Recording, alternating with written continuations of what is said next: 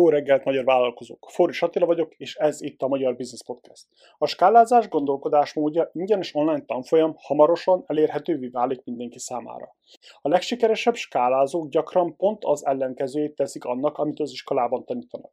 Valójában egy sor kapcsolódó gondolkodásmódra van szüksége. Optimizmus, ellenálló képesség, kíváncsiság. De olyan dolgokat is csinálnak, amelyek kevésbé nyilvánvalóak. Ellentétes az intuitív gondolkodásmóddal, mint például hagyni a tüzet égni, és olyan feladatokat végezni, amiket nem lehet skálázni. Ezen a tanfolyamon nem csak azt tanulhatod meg, hogy melyek ezek a gondolkodásmódok, hanem azt is, hogyan ápold őket, és hogyan használd, hogy átalakítsd a vállalkozásod. Ebben az online tanfolyamban bevezetünk a nagyszerű vezetők és vállalatok döntéshozatalába, hogy segítsünk megérteni, mikor és hogyan alkalmaz ezt a gondolkodásmódot a saját szervezeted legnagyobb kihívásaira. Hogy ne maradj le a fejleményekről, iratkozz fel a sallagmentes havi hírlevelünkre a magyarbusiness.org hírlevél oldalon. Figyelem, pikán szavak elgondolkozhatnak, ha gyerek van a közeledben, tegerd le a hangerőt. Most pedig vágjunk bele. Sziasztok, vállalkozók! Ez a Magyar Business Podcast. Szokás szerint itt ülünk, mint minden héten, Attilával, és a mai vendégünk Horváth Ádám, a Brandfish társalapítója, és az Európai Employer Branding Szövetség alelnöke. Szia Ádám! Sziasztok, köszönöm szépen a meghívást! Üdv. Na, szerintem kezdjük is a leges legelején magyarázzuk meg ezeket, hogy mi is ez az employer branding, mi ez a brand fees, mivel foglalkoztok? A brand fees munkáltatói márkaépítéssel foglalkozik, én már hat éve, és olyan munkáltatói márkát igyekszünk felépíteni vállalatoknál, segítünk nekik ebben, ami mérhető eredményt hoz. Tehát ez a nagyon fontos megkülönböztetőnk. És akkor lehet ebbe egy picit majd a beszélgetés során beleúszni, hogy mit jelent az, hogy munkáltatói márka, de alapvetően, amikor arról beszélünk, hogy mérhető eredmények, akkor ezek szorosan kapcsolódnak toborzáshoz, hogyan tudod megtalálni a, a munkaerőt, hányan jelentkeznek hozzád, ők milyen minőségű jelentkezők, utána hogyan tudod elkötelezni őket, és meddig maradnak nálad, milyenek az elkötelezettség felmérések, mutatók. Úgyhogy ezzel foglalkozik a Brandfiz, ebben piacvezető Magyarországon, és az Európai Employer Brand Szövetség pedig ez a szakmai szervezet, ernyő szervezet, és ebben egyrészt társalapítók vagyunk, most már 16 országot fed le ez az együttműködés, és ebben képviseljük Magyarországot. Úgyhogy a rövid, rövid bemutatkozás ez talán ez. Szuper, szerintem ezt még bővebben ki fogjuk fejteni, de egy kicsit fókuszáljunk rád, rád, mint vállalkozóra. Honnan jöttél, volt-e a családban bármi előjele annak, hogy te vállalkozó leszel? Még csak a csírája sem. Tehát senki nem volt a környezetemben, se a szűk, se a távoli családban, aki, aki vállalkozott volna, édesanyám óvodapedagógusként végzett, apukám pedig profi labdarúgó volt. Profi sportoló, utána a vállalati szektorban dolgozott, energiaszektorban, külföldön, Magyarországon, de alapvetően ez a sport vonal volt, és én ezt vittem is egy jó darabon, 17 évig sportoltam, 11 évig röplabdáztam, 7 évet NB1-ben, Úgyhogy ez a családi háttér, amit, amit otthonról hozok, de a vállalkozás az, az nem is volt a térképen, és egyébként én sem így készültem. Mondhatjuk, hogy ez egy teljesen véletlen én most így ebben a pozícióban vagyok. De persze nem, majd beszéljünk erről. Oké, okay, akkor ha nem véletlen, akkor hogy alakult, hogy mégis ezt csinálod? Ugye csak az első kérdés... néhány percben kell, kell valami, amit ne, nem kattintják át, és így itt marad velünk a kedves hallgató. Aha, és akkor mi ez, mi ez a szuper sztori, ami, ami itt tartja a hallgatóinkat? Az, hogy, hogy hogyan kezdtem el ezt a pályát, az az, az egyetemhez kapcsolódik, ahol én HR szakon végeztem. És a kötelező szakmai gyakorlatra kerestem egy helyet, és apukámnak a focis hálózat meg ismeretségi körből volt egy olyan ismerőse, aki ott Veszprém környékén egy komoly ilyen kisker, élelmiszer kisker hálózatot működtetett, több mint 50 volt, és hát volt olyan jó fej és kedves, hogy így elviselt engem ilyen HR nyári gyakornokként, mondta, hogy persze, gyere, és akkor mi aláírom a papírokat. És akkor ott, ott serteperkéltem körülötte, és a, az utolsó nap, amikor vittem be neki a papírokat, hogy Léci Zsolt írja alá, akkor mondta, hogy, hogy figyelj, arra gondoltam, hogy kéne ennek a cégnek egy honlap, mert hogy még nem volt neki. A kérdésből vagy a témából talán sejthető, hogy ez nem mostanában volt. Ez a 2000-es évek dereka eleje, és mondja, hogy kerítsek már valakit az egyetemen, mert hogy nem akar érte túl sokat fizetni, hogyha biztos az egyetemen valaki ezt meg tudja csinálni, és hogy, hogy szeretne azért egy jó, jó megjelenést. És ez hát teljesen érthető volt az ő szempontja, és fölültem a sárga buszra, zötyögtem vissza Veszprém, és gondolkodtam rajta, hogy amúgy én ezt középiskolában tanultam. Győrbe jártam a Jedlik általános, általános és középiskolában, Közép, nem általános középiskolában. Régen kellett már kimondanom ezt a szókapcsolatot így egyben, 20 év távlatából, és nekem volt egy ilyen végzettségem, hogy multimédia fejlesztő, és én azt tanultam, csak soha nem csináltam. És visszahívtam a, a Zsoltot, hogy figyelj, elvileg értek hozzá, de még sose csináltam, mi lenne, ha megpróbálnám, aztán, hogyha tetszik, akkor kifizetett, hogyha nem, akkor megkeresünk valaki mást. És mondta, hogy hát jó, is nem sürgős, hogy akkor próbáld meg, és megpróbáltam, és utána folytattuk, tetszett neki, bővítettünk, akkor volt már olyan rész, hogy nem tudtam lefejleszteni, akkor megkerestem egy volt középiskolai osztálytársamat, aki BM-en tanult, és ő programozott már, úgyhogy így jött lépésről lépésre, és ebből lett az első marketing ügynökség, ami nagyon erősen grafika, kivitelezés és web is a portfóliónkban tartozott, portfóliónkban tartozott, és oda jutottunk az egyetem végére, hogy ott nekem már nem volt kérdés, hogy kell-e állást keresnem, vagy viszem a saját céget, de hát ez ilyen klasszikus kollégiumi szobai Bermuda háromszögből indult. Mint a Google, Apple és társai, ugye? Garázs nem volt, úgyhogy emiatt ilyen kollégiumi szobát. A Bermuda háromszög az úgy néz ki, hogy ugye ez a gyors internet, lassú számítógép, hideg pizza. Ebből a, ebből a triászból épült fel, és amikor végeztem az egyetemen, akkor ez egy tízfős csapat volt, és Budapestre költöztem, és elkezdtem ezt a marketing ügynökséget építeni. Ez meddig ment, és akkor, akkor hogyan tovább, vagy hogy jött akkor egy másik ötlet, mert ugye most te a Brandfish színeiben vagy, hogy jött akkor a, a következő ötlet, hogy volt közte még más is? Nem, ez a, ez a két nagy mérföldkő van a, a szakmai életemben, ez idáig, és a, a Brandfish az úgy jött, hogy mi ebben a marketing ügynökségben több üzletágat is elkezdtünk felépíteni. Volt egy grafikai üzletág, ami különböző elektronikai termékeknek a dobozait, illetve a, a használati útmutatóit csinálta. El nem tudok képzelni, hogy egyébként egy porszívó dobozában mennyi mindent kell grafikailag megcsinálni. Tehát az összes ilyen betétlapok, a, a szélszeseknek a kiajánlók, rengeteg nyelvű használati útmutató, ezeket mi tördeltük, és lényegében ennek a, a, a, a cégnek a növekedése mentén nőttünk mi is, mert egyre több megbízást kaptunk, és egy, egy tízfős csapat szerkesztette, nem tudom, lengyelül azt, hogy ne tedd a, ne fürödjél hajszárítóval, és ilyen piktogramokat, meg ezeket az anyagokat készítettük el, illetve doboz dizájnt is, és amikor átalakítottuk a külső megjelenést egy, egy régebbi dizájnból egy frissebb, dinamikusabbra, ami már emberek szerepeltek, amin a színeket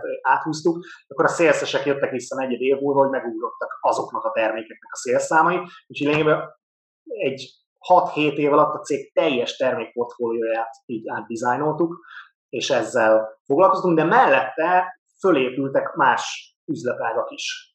Ilyen például a úgynevezett BTL marketing, egy, egy nagyon kedves ismerős, egy kereskedelmi láncnál volt marketing igazgató, és amikor úgy döntött, hogy, hogy vált a karrierjében, akkor mi társultunk, és ebben a marketing ügynökségben létrejött egy olyan üzletág, ami hostess promóciókat szervezett. És akkor így hízott, bővült ez a, a marketing ügynökség, és a saját érdeklődésem már csak így a HRS végzettség miatt abban az irányba vitt, hogy elkezdtem munkáltatói márkával is foglalkozni, ez volt egy harmadik üzletek, csak én meg nem tudtam, hogy így hívják, de nagy vállalatok, jellemzően nagy vállalatoknak toborzó események, versenyek, az első Facebook oldalak, teljesen a hőskorban vagyunk még, sok másfél évtizeddel ezelőtt, amikor az, hogy egy cégnek külön a munkáltatói arculatára legyen egy oldala, vagy a jelentkezési felülete online, azon kívül, hogy írj egy e-mailt és mellékletként. Sőt, nem is, nem is tudtuk fölcsatolni, hanem ez a, erre az e-mail címre küld el a, a, az önéletrajzolat, vagy postán. Tehát ez, ezek, ezek az idők. Akár faxolhatta is volna. Igen, igen. Úgyhogy ez a, ez a három uh-huh. kupac volt, és volt, volt egy pont, amikor meg kellett hozni azt a döntést, hogy egy fenékkel, talán így, így tudom mondani szépen, ugye azért túl sok négy lábút nem lehet megülni, tartja a mondás, és ebben, ebben változtatni kellett, és akkor 2006-ban, nem 2016-ban, bocsánat, 16-ban uh-huh. volt az a döntés, hogy akkor, akkor employer branding is fussunk neki. Ennek, az, hogy ennek mi voltak az okai, lehet, hogy azok majd még később érdekesek. Aha, igen, akarom is, akarom is kérdezni. Egyrészt, bocs, nem tudom kihagyni, szóval akkor porszívó ügynök is voltál, ugye?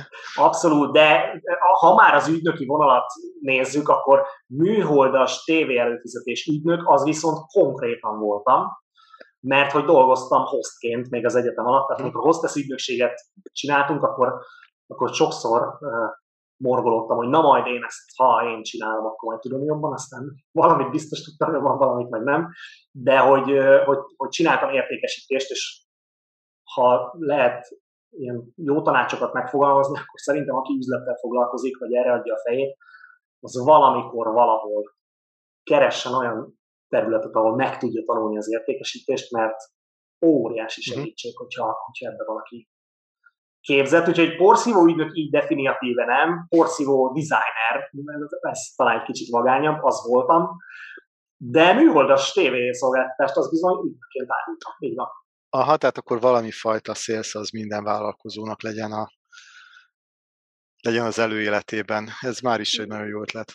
Nagyon megkönnyít, érdemes olyan szervezeteket keresni, ahol ezt jól tanítják, ami sales intenzív. Uh-huh. És, és én, én egy olyan helyzetben voltam, hogy a, a Tesco-ban a kasszasor, kaszasoron kívül értékesíts két éves műholdas tévé előfizetést 2008-ban. Uh-huh. Úgyhogy tehát, csak hogy az élmény, hogy ott hagytam egy csomó pénzt, fizettem, tolom ki a kocsit, rohanok, na és ott adja el és nagyon-nagyon rossz eredményekkel kezdtem, aztán, és ott el kellett kezdeni tanulni, és különböző dolgokat össze szedtem innét, onnét, ameddig, ameddig aztán, hogy ez egy nagyon sikeres munka volt, és, és tök jól tudtam benne teljesíteni, és nagyon megszerettem két, két dolgot most itt ragadjunk le, mielőtt azért átérnénk úgymond a, a fő bizniszre, vagy a fő mondani valónkra. Egyrészt ugye kiszálltál ebből a marketing ügynökségből, tehát ez a exit hogyan zajlott, társ tulajdonos vagy-e ott még, vagy, vagy akkor ezt itt teljesen lezártad, hogy hogy működik egy exit, amikor kiszállsz egy sikeres vállalkozásból. Ez szerintem tök érdekes. Amikor ez a, a vállalkozás a, a csúcson volt, akkor itt mondjuk ezekben a kampányokban, promóciókban a nagyságrendeket, az talán az jellemző, hogy egy hétvégén, a, mondjuk egy karácsonyi kampányban 150 főt foglalkoztattunk, mondjuk 30 országos helyszínen hűtőtáros logisztikát, nyilván beszállítókkal, a vállalkozókkal, és a lényegében az összes nagy láncban ben voltunk. Uh-huh. Tehát ugye ez volt az a volumen, amit, amit csináltunk, és hát nagyon egyszerű, itt én ebből kiszálltam, tehát az volt a kérdés, hogy, hogy hogyan megyünk tovább. Én szerettem volna Brandfist elkezdeni, és uh, itt a, a tulajdonos társam, akivel egyébként a mai napig együtt valabdázunk minden hétfőn, ő a mai napig viszi ezt, önálló tulajdonosként, nem vagyok már benne tulajdonos, kiszálltam, ebben voltak ilyen stage azt hiszem így mondják kínaiul, hogy, hogy nem egyszerre, hanem, hanem ebben volt egy átmeneti időszak, és a mai napig ő ebben fantasztikusan sikeres, és nagyon jól viszi ezt a, a céget. Szuper, és akkor már egy kicsit beszéltél arról, hogy vannak olyan skillek, ha már így hár nyelven beszélünk, ugye, amiket így be lehet hozni a vállalkozásba, hogy tényleg mi, mik ezek, mi, mi, miből merítettél még, ugye volt ez a értékesítés, de például sportoltál is, amit mondtál, tehát, tehát miből tudtál még meríteni, ami mondjuk a kapcsolatrendszert, vagy ezt a vállalkozói szellemet, vagy azt, hogy képes vagy elbukni, vagy képes vagy próbálkozni, e, ezt így erősítette. Tehát honnan, honnan merítettél még ilyen háttértudást? Talán mind a kettőre lehet jó példa, és szerintem sikerült azonnal beazon, beazonosítanod ezt a két, két területet, ami azt gondolom, hogy nagyon sokat adott nekem. Az értékesítésre mondok egy példát, hogy amikor ebben a pozícióban kezdtem, és, és értékesítenem kellett műholdas tévészolgáltatást, diák munkaként lényegében, akkor hát volt egy ilyen kis kiajálom, és így mutogattam az embereknek, hogy hát itt kell aláírni. Gondolj bele, hogy a szerződést is ott kellett megkötni. Tehát, hogy ilyen halmozott a hátrányos. Most így utólag visszanézve, azért azok a vezetők, akik kitalálták, hogy ezt így kell csinálni, azért az is megérne egy misét, de én ott akkor abban a helyzetben voltam, és nem tudtam egyet se eladni. És tök jó órabért fizettek, és úgy volt az órabér, hogyha aznap köt egy szerződést, akkor már jelentősen megugrott az egész napi órabéred. Ha kettőt, akkor még jobban, és három volt a max. Azt senki nem csinálta meg soha, mert ez akkoriban a két éves előfizetés, ez 104 ezer forint volt, azt hiszem. Tehát ott 104 ezer forintról irattam alá papírt, olyan a kezedben, igen. aki épp ott hagyott nem tudom én hány tízezret a nagy bevásárlásra. És ami a, az érdekeség volt, hogy elkezdtem gondolkodni, ugye itt nagyon sok ilyen értékesítési tréning, Dale Carnegie, a, a Brian Tracy, az összes ilyet elkezdtem falni ezeket a könyveket, hogy ezt hogyan lehet jól csinálni, és ez Veszprémben volt, ahol a nagymamám is lakott, én oda jártam egyetemre. És elkértem a nagymamámtól a kábel TV előfizetésének a számláját, és megnéztem, hogy mennyit fizet. Hm. És kiderült, hogy mondjuk ilyen 30 valány csatornáért fizetett akkor 4600 forintot. És amit én árultam, az 4750 volt talán. És 100 tévéadás, digitális minőség, ami még a mai napig benne van a fejemben, miket kellett mondani, plusz ezt figyeld, ha most itt megkötöd, kettő DVD-t ajándékodok, amit itt el is vihetsz magaddal. És onnétól kezdve, hogy én kivittem magammal a nagymamának a kábel TV számláját, és nem azt, az, tehát itt ezek ugye a referenciárazásnak a klasszikus példája, hogy megszólítom, hölgyem, uram, bocsánat, csak egy kérdés, mindenki szereti ezt, hogy tudja hogy mennyit fizet a tévészolgáltatásért? Ugye azt sem tudtam, hogy ki ő, hol lakik, csak megkérdeztem tőle ezt a kérdést. És az emberek nagy része nem tudta. És mondom, mutatok egy számlát, ezt itt Veszprémben, ez a kábel TV szolgáltató, és ennyit fizet érte. És itt van egy ajánlat, hogyha havonta 200 forinttal többet fizet érte, akkor nem 30 csatorna lesz, 100, és még két ajándék is van mellé. Érdekes lehet az önnek, hogy kicsit részleteket elmondja? Az első nap kötöttem hét szerződést. És utána kérdeztem, hogy második, harmadik napnál, hogy nagyon lelkes voltam. Hát először ugye azt hitték, hogy csak. Tehát meg kellett várni, hogy ezek az emberek élnek-e, vagy valahol kamugul írtam be a címeiket, és amikor kiderült, hogy ténylegesen megkötötték ezeket a szerződéseket, akkor ott a központból kijöttek, megnézték, ellenőriztek, hogy ez így hogy mert hogy ilyen nem volt, és én meg ugye arról faggattam őket, hogy akkor a három és a hét szerződés közötti jelentős értékteremtésemnek a kompenzációja az akkor hogyan fog kinézni, és elkezdtem így szétrakosgatni naponként, és akkor mondták, hogy ha nem fogják miattam a rendszert átalakítani, akkor így elkezdtem összegyűjteni ezeket, és bementem egyszer a központba, hogy srácok, itt van két és fél millió forintnyi szerződések ezen. Nekem ezt senki nem fizeti ki. Kukába dobjam, vagy valakit esetleg ezért. Nyilván ezt viccesen, de értették, hogy miről van szó, és állást ajánlottak. Amit nem fogadtam Amit nem el, fogadtál el. Egyetem mellett, de azért a lelkednek jól esett. De nyilván ott hagytam a szerződéseket, úgyhogy ez a, ez a sales, hogy, hogy ugyanazt mhm. a terméket hogyan tudom most például ebben az esetben egy, egy, egy referenciaponttal más megvilágításba helyezni, vagy, vagy rávezetni a, a potenciális vevőmet, hogy, hogy egyébként ez egy tök jó szolgáltatás volt uh-huh. nekik, tehát de hittem, hogy tényleg minimális extraért egy sokkal jobb dolgot kaphat. Úgyhogy ez azt gondolom, hogy egy, ezt érdemes megtanulnia mindenkinek, aki, aki vállalkozik, és talán a sport, sport volt a másik. Ti sportoltok egyébként? Vagy van ilyen sportmutatok? Egyet hadd kérdezzek én is. Na, nyugodtan, nyugodtan. Érdekli a hallgatókat. Attila, kezdte. A kapcsolódásotok? A sport, igen, nem tudom, valamilyen oknál fogva legéletemben szerettem súlyokat emelni. Futás az nem jött be, a séta az bejön, de mostanában nagyon csingatok az úszás és a szauna kombinációjával. 5-10 perc a medencébe, és akkor 10-15 perc a szaunába, és ez nem tudom, olyan, olyan busztolást ad, hogy semmi más a világon. Ennyi. Versenyszaunázol. Finn, finnek erre kultúrát építettek, úgyhogy valami biztos van benne. Igen, igen. Hát, hogyha valaki megnézi az én Facebook profilomat, akkor elég sok futós posztom van, és én ezt egy kicsit sajnálom, hogy így két dolog a gyerekkoromból kimaradt a zene és a, a sport. Én, én kis dagi srác voltam, sose sportoltam, és ilyen 30x évesen kezdtem el futni, egyébként egy vállalati képzésen, ahol célokat kellett kitűzni, mondták, hogy tűzétek ki célokat, lehet szakmai is, de egyébként lehet magánéleti, akkor ott valahogy így a nagy beszélgetésben belelovaltuk magunkat egy srácra, hogy akkor maratont kéne futni, ezt így megfogadtuk egymásnak, egy, egy éves távlatból, és akkor úgy maradtam, tehát 30, 30 x évesen elkezdtem futni, és ez szerintem tök jó, és ha mondjuk 10 évvel előbb elkezdem, vagy gyerekkoromban megvan ez a sport, szerintem egy csomó mindent másképp csináltam volna. Ad egy, ad egy, ad egy viszonyulást, úgyhogy igen, én, én kocogok, ezt így nagyjából köztudott rólam.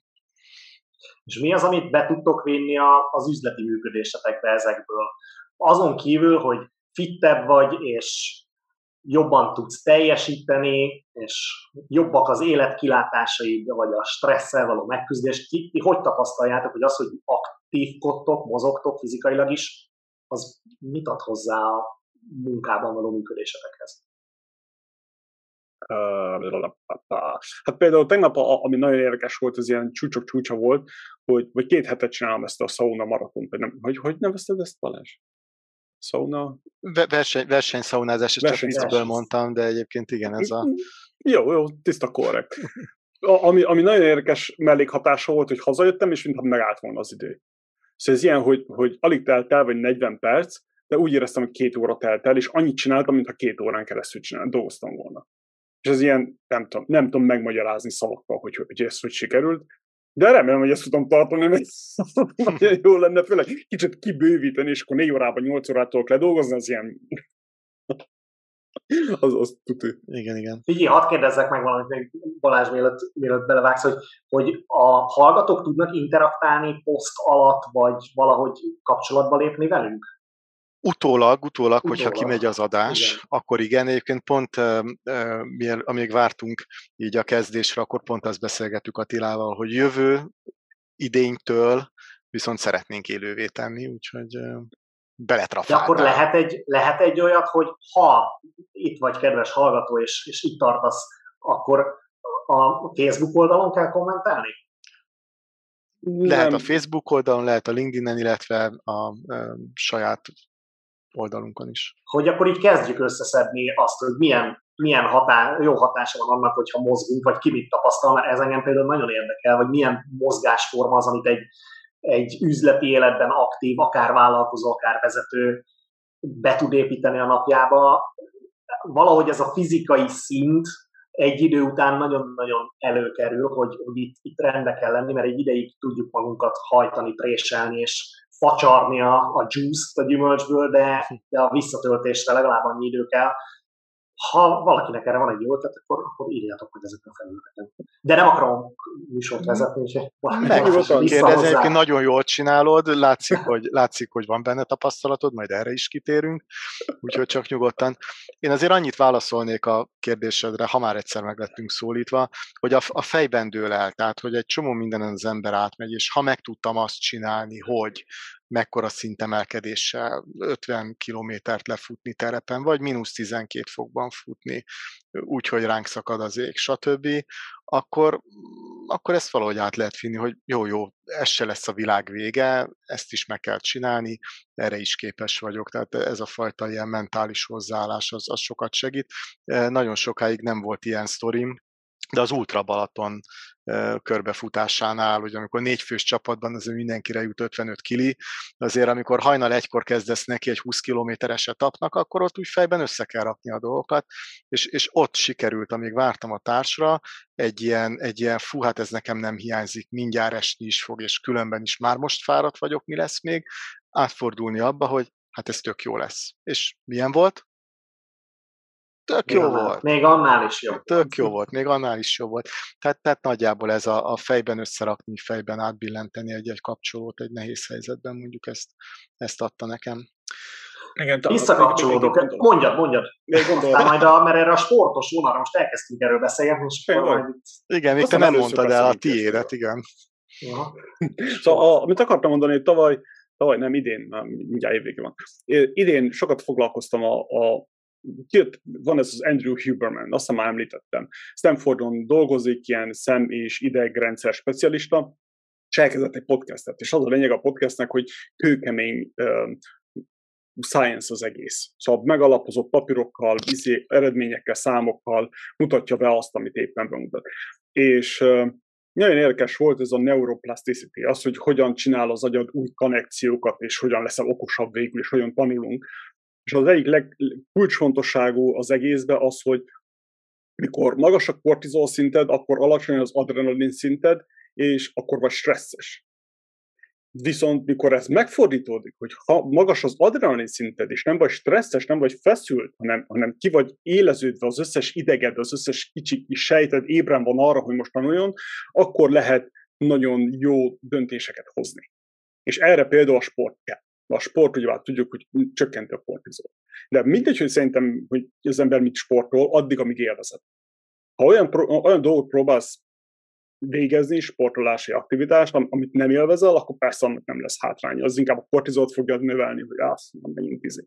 De a lényeg az, hogy adrenalin szint magas kell legyen, kortizol alacsony, és akkor vállalkozóként is, ha mindenek az, akkor jobbá tegyük a világot, legalábbis az egyik sarkát.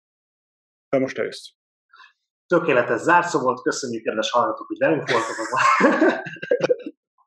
Menjetek sportolni. Jó, jó hát menjetek sportolni, ennyi volt a mai nap. Ja, várj, ez csak egy fél óra volt, hát ez nem, nem, nem, nem, csak itt, tehát olyan, ez a bemelegítés. A, a világ egy jobb hely lett, akkor ez egy ilyen tökéletes zárszó volt. Érdekes, én a csapatot hozom a sportból. Nagyon kiskoromban még atletizáltam, de nem nagyon élveztem, és utána fociztam, de igazából a röplabda az, ami nagyon-nagyon tetszett. És a, amit megtanultam benne, és amit tudok minden nap használni, az tényleg az, hogy, hogy milyen csapatként együtt küzdeni, és erre mondok egy konkrét példát, hogy a vállalati szituációban, vagy akár vezetői helyzetekben ez konkrétan hogyan csapódik benne. Jó, ha ah, mi egy csapat vagyunk, oké, okay, mit jelent ez? Én például azt tanultam meg, hogy a, a pályán ott nem dolgunk megvitatni a dolgokat, ott nyerni kell. Tehát mikor a helyzetben vagyunk, amikor időnyomás van, akkor egyetlen egy cél van, hogy mi közösen lehozzuk azt az eredményt, megcsináljuk, kipipáljuk, nyerjünk, győzünk közösen. És utána az öltözőben bármennyi idő van arra, hogy megbeszéljük azt, amit nekünk meg kell beszélni, amit a pályán nem tudtunk megbeszélni. De ennek a ketté választása, ez nekem rengetegszer segített hogy egy helyzetben nyomás alatt csapatot vezetve, nekem most ez van, nekem az, összeveszünk, nem veszünk, stressz kerül a rendszerbe, gyorsan kell reagálni. Most meccs van, most a pályán vagyunk, most ezt hozzuk le, meg kell csinálni, de utána viszont meg fogjuk tudni beszélni. És ennek a szétválasztása nekem számtalan alkalommal segítségemre volt.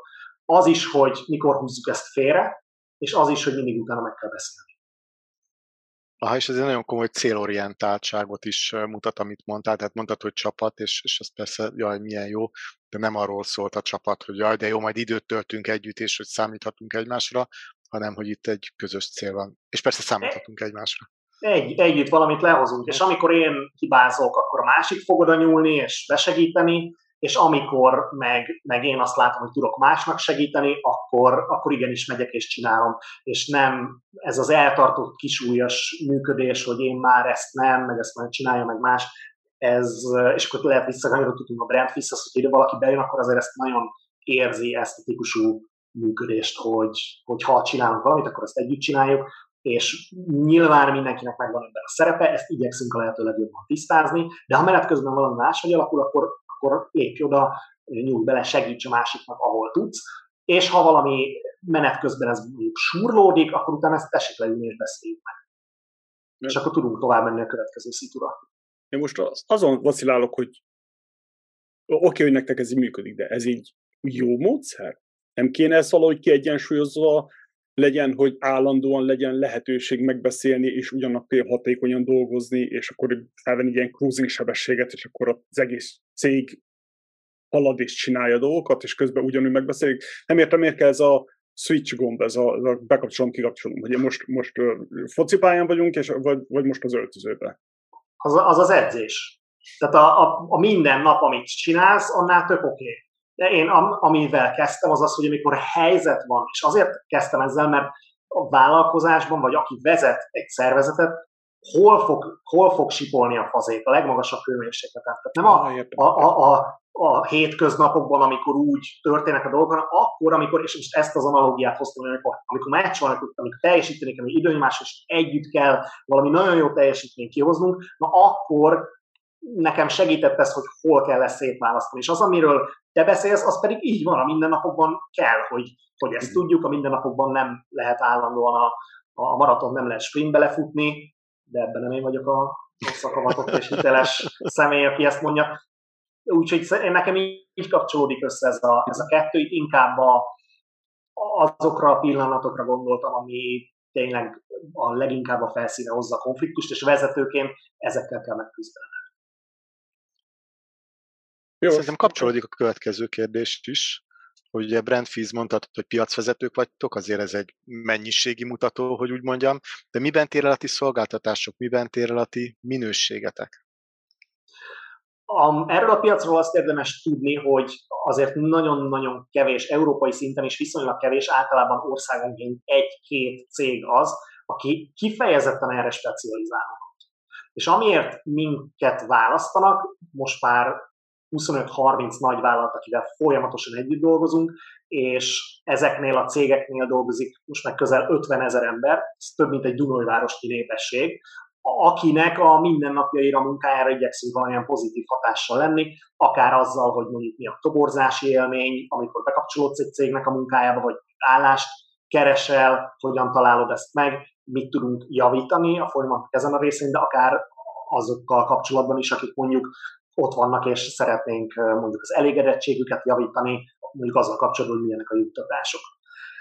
Úgyhogy ezen a, a területen kifejezetten erre fókuszál azért nagyon-nagyon kevés cég van, aki csak ezt csinálja. Mi eldöntöttük, és akkor ha hozhatok be itt egy ilyen üzleti széljegyzéket, vagy, egy, vagy a margó mellé, azért ezt oda tenném, hogy mindenki, aki pozícionálja magát a piacon, ezt azért át kell gondolnia, hogy mi az a terület, amivel foglalkozik, hiszen amikor a, a, elindul a cég növekedése, akkor azt tapasztalhatjátok, hogy egyre több megkeresés van, mert azt mondja az egyik, hogy fi, nem tudod ezt is megcsinálni, mert akkor a kapcsolat jó, és ez is jön, az is jön, és azt teszed észre egy-két év után, hogy ez a mindennel is foglalkozó, és nagyon széles lett a portfólió. És én voltam gyakornok a, a Kürtiton mellett, a Kürt ZRT-ben, aki világhírű volt abban, hogy ugye az adatmentést megcsinálja, és nem tudom én, a, a World Trade Center, amikor összeomlott az alatta lévő merevlemezek, ők nem tették az adatot, tehát tényleg világszinten a legjobbak voltak, és emlékszem a, az alapítóval, a Sándorral tudtam néha időt tölteni, és, és ő mondta, hogy ez egy nagyon fontos pont volt, amikor azt mondták, hogy mi csak ezt csináljuk, de ebben viszont igyekszünk a, a lehető legjobbak lenni. És a, a Brandfizben ezt szerettük volna megvalósítani, hogy nyilván az első fél évben, főleg a kapcsolatrendszerünkön keresztül, akár Anita, az alapítótársam, ő rajta keresztül a HRS vonal, vagy a marketinges vonal, nagyon sok megkeresés volt, hogy ezt is, meg azt is, de mi végig kitartottunk emellett, hogy csak munkáltatói márkát csinálunk. Ebben viszont, ha valaki szeretne több embert fölvenni, olcsóbban toborozni, láthatóbbá válni a munkaerőpiacon, akkor azért azt gondolom, hogy nehéz kikerülni a brandfiz, vagy hogy tudja, hogy ott a, a, a shortliston ott szokott lenni a, a cégünk. Nem tudom, hogy ezzel válaszoltam a kérdésre, hogy tehát az első, hogy speci- totálisan specializálódtunk, és ebben ez nagyon különleges, amikor mondjuk tendereztetsz egy ilyen folyamatra, akkor valószínűleg ajánlatokat fogsz mhm. kapni, ami mondjuk marketing ügynökségtől, és van két-három referenciája munkáltató márkának. Vagy egy HR szolgáltató, aki mondjuk felvadászattal foglalkozik, van néhány referenciája. Vagy egy kicsi cég, aki erre specializálódott, mondjuk 5-6 fős. Mi ezt 50 fővel csináljuk, és csak az elmúlt egy évből mondjuk nem tudom én 60-80 projektet tudok behozni referenciaként. Uh-huh. Tehát ez egy egyértelmű megkülönböztetés, hogyha valaki kifejezetten ezt keresi, akkor valószínű, hogy mi tudunk rá egy olyan megoldást, amit nem rajta próbálunk ki, hanem már működik, és, és le is tudjuk szállítani, mert van rá tudásunk és kapacitásunk. Azt gondolom, hogy ez a talán legfontosabb megkülönböztető, hogy a, a, a magas tapasztalat, meg ez a szakmai szint, pont ezen a szakterületen. Mhm, ez a ti, ez a ti kék óceánotok, ugye? Nagyon-nagyon régen, másfél éve beszéltünk erről a vörös óceán, kék óceán könyvről, meg gondolkodásról, hogy ez, ez az az óceán, amiben ti vagytok a legnagyobb hal. Itt Magyarországon egyértelműen a, a tapasztalatban mindenképpen, és vannak egyébként nagyon, tehát ne felejtsük el a piac többi szereplőit, vannak szuper jó cégek, akik szintén ezzel foglalkoznak, az a volumen, amit a Brandfish csinál ezen a területen, az, az torony magasan piacvezető. És igyekszünk ezt nemzetközi szintre is kiterjeszteni, különösen az Európai Szövetségen keresztül. Na jó, jó. Szövetséget, bocsánat, azt a szövetséget ezért hoztátok létre, ilyen hátsó kis szándéka, hogy legyen hova terjeszkedni, mi, mire rálapozni, vagy ilyen, ilyen hirtelen ötlet volt? Hát azt azért tudni kell, hogy ahogyan a Brandfish piacra lépett, és akkor itt lehet nyitni egy másik ilyen kis jegyzetet, hogy lehet tanulságos lesz a hallgatóknak, hogy hogyan indítasz-e, hogyan lépsz piacra. A, az alaptörténetünk az az volt, hogy mi mi nem is biztos, hogy akartunk először vállalkozást csinálni, hanem mi együtt dolgoztunk. Tehát Anita egy nagy vállalatnak az employer brand vezetője volt, én pedig a cégemmel dolgoztam alvállalkozóként az ő social kommunikációjukon, és elképesztő jó együttműködés volt. Itt befejeztük egymás mondatait, tehát látszott, hogy nagyon hasonlóan gondolkodunk erről a szakmáról. És volt egy, egy lehetőség, amikor egy konferencia volt, és ebben a témában tartottak egy előadást Magyarországon, de Anita nem tudott eljönni, viszont este szervezett egy bulit a csapatának, ahol meghívta az összes beszállítót is, vagy aki így a networkben volt, és megérkeztem erre az Akácpa utcai Libling szórakozó hely teraszán volt ez a, ez a mulatság, kérdeztem itt, hogy na, milyen volt a konferencia. És fura helyzetben voltam, mert én akkor már a, a nemzetközi együttműködésekben az akkori partnereimmel, nem tudom, reggel egy londoni központtal tárgyaltam, világ legnagyobb PR ügynökségével dolgoztunk akkor együtt egy, egy közös ügyfelünkön, a, utána, amikor fölébredtek az amerikai New Yorkban volt a Buddy Media, akik ott fölvásárolt a Salesforce, és ők voltak a szoftver szolgáltató, és akkor velük volt egy webinár, hogy ezt hogyan lehet social médiában jól csinálni a munkáltatóimákat, és utána beültem erre a konferenciára, és tök őszintén elégedetlen voltam. Tehát azt mondtam, hogy hát ezek ezen, ezt sokkal jobban lehet csinálni. És volt bennünk egy ilyen nem tudom, Y generációs ilyen magabiztosság, hogy na hát, majd ezt biztos jobban tudjuk. És akkor ott voltunk a, a, ezzel a teraszon, és egy sárdoni fröccs mellett azt mondta, hát akkor mutassuk meg, akkor csináljunk egy képzést. És akkor elindítottunk egy, egy azt hiszem, egy napos, először egy egynapos képzést, és amikor erre készültünk, mondom, megnézem, hogy amúgy ezt hol tanítják, van-e, lehet-e tanulni ezt nemzetközi szinten, mert van ezt a magyar képzést, ezt mi a saját tapasztalatunkból az elmúlt x évből biztos, hogy tudunk oda konkrét dolgokat hozni, de hát akkor én hol fogok fejlődni. És beírtam a Google-ba, hogy Employer Branding képzés és kidobta a World Employee Branding Day-t, de három hét múlva lesz. Mondom, te jó ég, hogy fogom átutazni a fél világot, Amerikába, stb. És látom, hogy Prágában lesz. Hát az egekben is így akarták. Néztem, és ilyen late, late bird, horror drága áron valami utolsó jegyet elcsíptem, és kiutaztam Prágába, teljesen be voltam sózva, hogy a világ legjobb brandjei lesznek ott, hogy tanulni fogok, és elképesztő élmény volt, mert a, láttam egy szőke ausztrát a színpadon, a Brett Minchington egy szőke szikla, és azokat a mondatokat mondta, azt a megközelítést, hogy a munkáltatói márka nem csobabzsák, nem falmatrica, nem arról szól, hogy az emberek hogyan érzik magukat. Hogy ez egy üzleti funkció, nem PR funkció, nem a HRS feladat söpörni. Hogy az emberek a munkáján eltöltött idejüket, gyakorlatilag az életünknek a legnagyobb ébren töltött, az ébren töltött időnknek a legnagyobb részét munkával, vagy munkáinkon töltjük, és tökre nem mindegy, hogy, hogy ezt hol, milyen minőségben tesszük meg. Annyira inspiráló volt, hogy meg akartam vele ismerkedni, és lezárva a történetet, szerettem volna kapcsolatba kerülni vele, és az akkori angol tudásomról sokat elárul, hogy a mellettem ülő hölgy, aki nekik lelkendeztem, hogy jó, ez mennyire jó, néhány mondat után átváltott magyarra, ugyanis ő erdélyi születésű volt, és mondja, hogy amúgy ő ismeri ezt a palit. Mondom, mutasd be. Hát most, hát mondom, most, most azon, de hát most akkor fi, este lesz egy buli, gyere oda el, majd, majd ott. Na hát én semmi más nem tudtam gondolni, csak úgy fogtam a kis névjegykártyámat, megérkeztem a prágai Hilton tetőteraszára. Ez a tetőterasz egy ilyen visszatérő motivum a rendvíz életében, és odaértem ez a Bretthez, és így otózták, és mint az Obama házaspár mellett így, így arrébb löktek, és tudod a szokásos szöveggel, yeah, I love your country, beautiful place, köszi, hogy itt vagy, minden, amúgy meg húzzám, mert hogy amúgy jön a következő ember fotózni. És mondta, hogy keressem meg az este későbbi részében. És én így ültem a névjegykártyámon egész este, és vártam, hogy a Brett mikor fog felszabadulni, és bemutatkoztam neki, mivel ez a rendezvény vége volt, és ez fél tizenkettő magasságában volt, nem volt szomjas már, és akkor próbáltam neki bemutatkozni, és a, a, az ing zsebében kb. 150 névjegykártya, és mondta, hogy megnézte a névjegykártyát, bedobta így a többi közé, és azt mondta, I call you next week.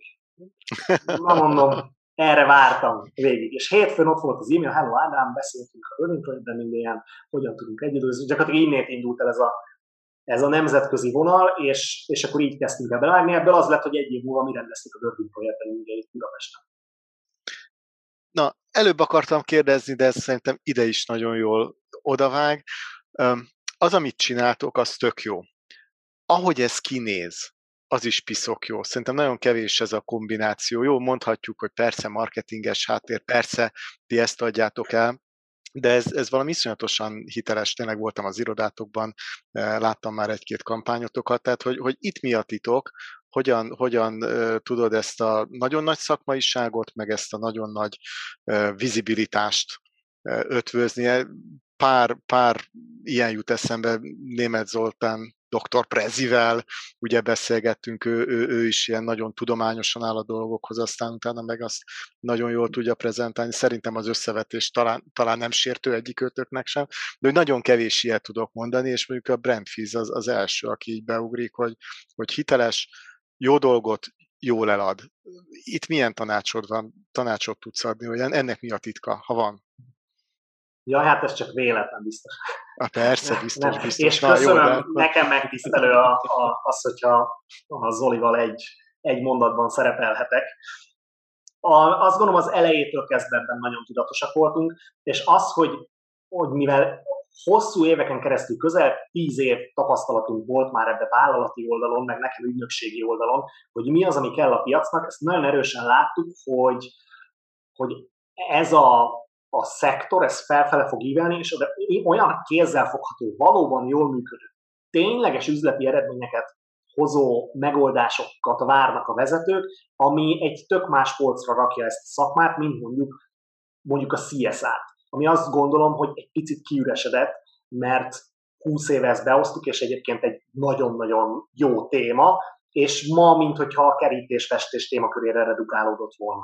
Tehát a gyakorlati szinten erodálódott, miközben ebben sokkal több lehetőség van, és sokkal jobban kell ezzel foglalkozni, de maga, mint szakma, nem vigyáztunk rá eléggé. És mi azt mondtuk, hogy a munkáltatói márkát szeretnénk megőrizni annak, hogy ebből tényleges üzleti mérhető eredmények vannak, és az első pillanattól kezdve mi erre akarunk koncentrálni.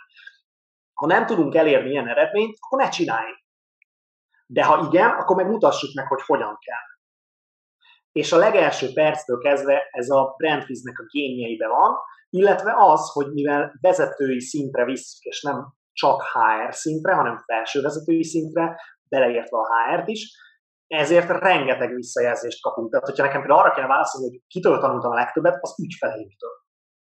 Azoktól a felsővezetőktől, vezérigazgatóktól, ügyvezetőktől, akik nem ezen a területen dolgoztak, de olyan dolgokat kértek, kérdeztek és vártak el tőlem, amire lehet, hogy az, abban a pillanatban nem tudtam még a megoldást. De ezek a típusú üzleti elvárások húztak minket abba az irányba, hogy igenis, az üzleti mérhetőség irányba kell menni. És ha már a marketinget is kérdezted, ebbe érezzük jól magunkat, mint vizuális tér, hogy ez egy pesgő, um, add sparkle to your employer brand, ezt, ezt mondjuk magunkról. És tudod, mit jeleznek vissza a partnereink, hogy, hogy mit, ilyen, most csináltunk egy ilyen felmérést, és mondják, hogy mindig ezt a meetinget várom a legjobban a héten hogy így olyan jó kedvem lesz azután, hogy beszélünk, hogy ez az energia, ez egyszerűen átragad. Tehát mi ezzel szeretünk foglalkozni, mi ezt a témát imádjuk, reggeltől estig ezzel foglalkozunk, és ha valakinek ez kell, és ez érdekli, akkor figyelj, beszéljünk róla egy fél órát, és, és nézzük meg, hogy mire van szüksége, és lehet, hogy tudok mutatni egy példát, hogy amúgy ezt máshol hogy csináltuk már meg jól. Tehát ez a típusú szenvedély, az, az energia, ez a sparkle, amit így fogalmaztunk meg, hogy ez, ez a pesgés, ez a szikra, ez ott van minden percünkben. És mi semmi más nem csinálunk marketingben, mint elmondjuk, hogy mit csinálunk. Tehát esettanulmányok, történetek, nagyon ritka az, hogy, sőt, nem, ilyet nem is vállalunk el, hogy ez a ilyen elméleti előadások. Tanítunk egyetemen, ott kell a struktúra, de amikor üzleti HR Fest, vagy bármilyen nagy konferencián veszünk részt, akkor, akkor gyakorlati példák, esettanulmány, mert abból tanulunk a legtöbbet. Úgyhogy talán így áll össze, hogy imádjuk, nagyon-nagyon szeretjük, amit csinálunk, csak ezt csináljuk, nem viszi el semmi más a fókuszunkat, ebbe érezzük jó magunkat, és ezt nem tudjuk eltitkolni. Ez ilyen sablon szövegnek tűnik, de tényleg azzal, hogy, hogy te, mint cégvezető, ugyebár ideális esetben alapítóként már az első lépésektől kezdve jól meghatározol egy ilyen személyiséget a cégednek, hogy te mivel akarsz foglalkozni, hogyan akarod ezt elképzelni, és remélhetőleg ezt szereted is, és akkor tényleg ez, ez, ez előbb vagy utóbb, szóval azokra az emberek, akik rezonálnak az üzenetetekkel, azokkal jó kapcsolatot lehet kialakítani. De azok, akiket például ez nem érdekli, mert mondjuk a legrosszabb eset az, mikor valaki annyira az árra fókuszál, hogy minél olcsóbb legyen valami, hogy a többit nem is látja, az ilyen például nem is lehet az, akkor így, így beszélgetni. De éppen a múlt héten beszéltünk Fodor Klaudiával, hogy az ügyvédeknél és ez a helyzet, hogy, hogy bevállalnak mindent, és akkor ilyen identitászavarba keverednek, és, és akkor nem tudják, hogy most mi van, és akkor mindennel foglalkoznak, de mégse, és akkor bla bla bla bla bla.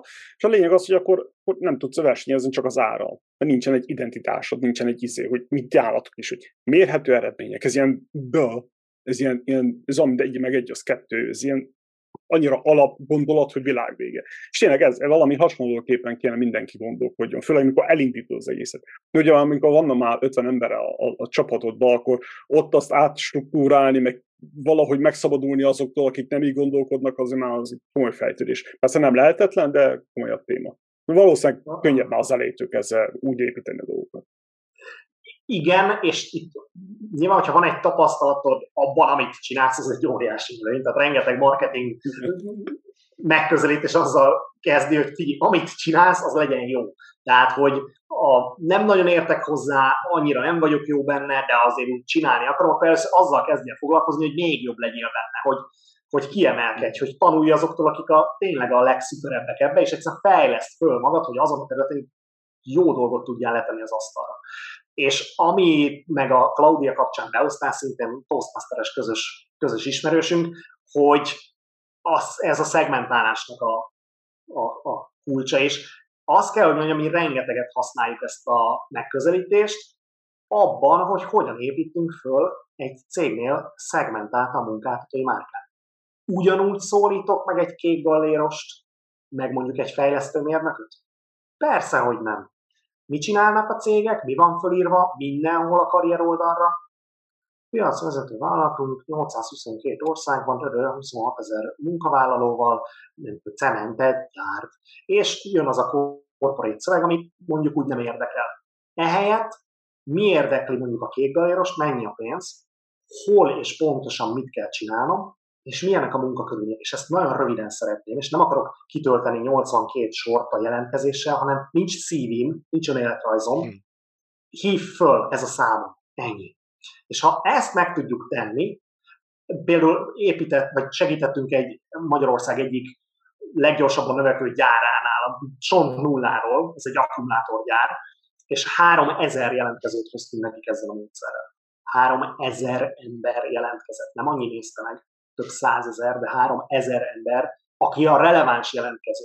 Egy olyan piacon, ahol azt mondjuk, hogy lényegében nincs munkaerő, meg hogy a Ukrajnából kell behozni. És pusztán azzal, hogy nagyon egyszerűen azzal kezded, ami a másiknak fontos, és utána elmondod, hogy amúgy mi nem egy sufni tuning DT vagyunk, hanem tudtad, hogy amúgy ezen a területen mi vagyunk a világ Nézd meg erről egy videót. Kész. Mm csak más sorrendben, és a, szeg, a szegmentáltan azzal kezdem, ami neki először fontos.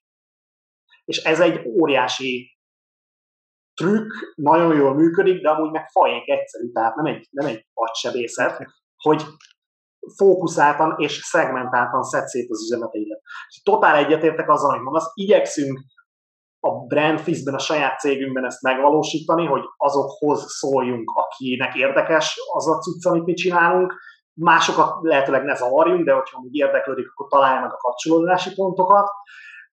És aki meg mondjuk ügyfél oldalon hallgatja, vagy, vagy nagyvállalati oldalon hallgatja, ő szerintem érdemes ezt átgondolnia, hogy ha megnézi az állásévet, és akkor valóban ezek, ezek mondjuk szegmentáltan jelennek meg, óriási verseny előre lehet szert tenni, ha igen. Meg, meg a, a legfontosabb, hogy van mit, akkor kommunikáljál. Szóval a, maga a, marketingnek is megalapozza ezt az egészét. Mert az, mikor mindennel foglalkozol, akkor oké, okay, mit teszek be a marketingbe? Mit teszek fel a social médiára egy posztba? Mivel foglalkozol? Amikor mindennel foglalkozol, akkor ezer posztos csinálsz, vagy, vagy hogy? De amikor foglalkozol egy valamivel, vagy, vagy és annak van, mit tudom, 5-10 jellemvonása, garanciája, akármilyen, ami, amit hozzácsapsz, ami ad neki egy keretet, akkor már rögtön van egy marketinged, már, már van miről beszéljen, már egy előadást tudsz tartani, stb. stb. Ez a váza, ez pont váza végül is a, a, a cégednek. És ami még talán ennek a különlegessége, vagy amit a, nek, nekünk is meg kellett tanulni, és nem tudtuk az elejétől kezdve, de ugye mi B2B-ben vagyunk, tehát mi vállalatoknak adunk el. Tehát a, mi, nekünk nincs magánszemélyvevőnk. Esetleg az akadémián, ahova bejöhet és három nap alatt tök sok mindent megtanulhat munkáltatói márkáról, de ott is jellemzően cégek fizetik be a vezetőiket, alkalmazottaikat erre a képzésre, de alapvetően mi vállalatoknak kommunikálunk. És azért az nagyon más szerintem, mint hogyha valami terméket szeretnék eladni, vagy értékesíteni online, több száz, több ezer, több tízezer darabban. És ami nekünk a vállalati kommunikációban szuper jól működött, az az, hogy esettanulmányokat mutatunk be.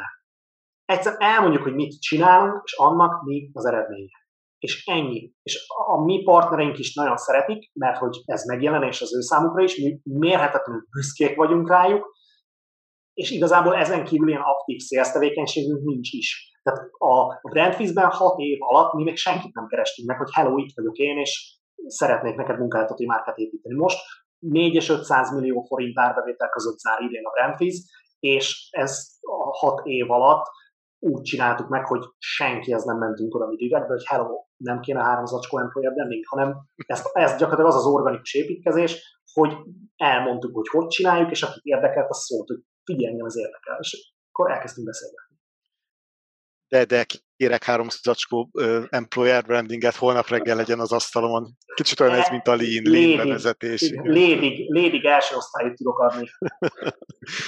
Oké. okay. Um, egy kicsit már mondtad, hogy ahogy indult, akkor ezzel az ausztrál fickóval megismerkedtél, és akkor, akkor ő adott egyfajta inspirációt, de van-e bármifajta mentorod, más példaképed, vagy te mentorálsz embereket? Mit gondolsz mentoringról, coachingról? Ezen a területen, mondjuk üzleti területen, vagy mint üzleti vezető?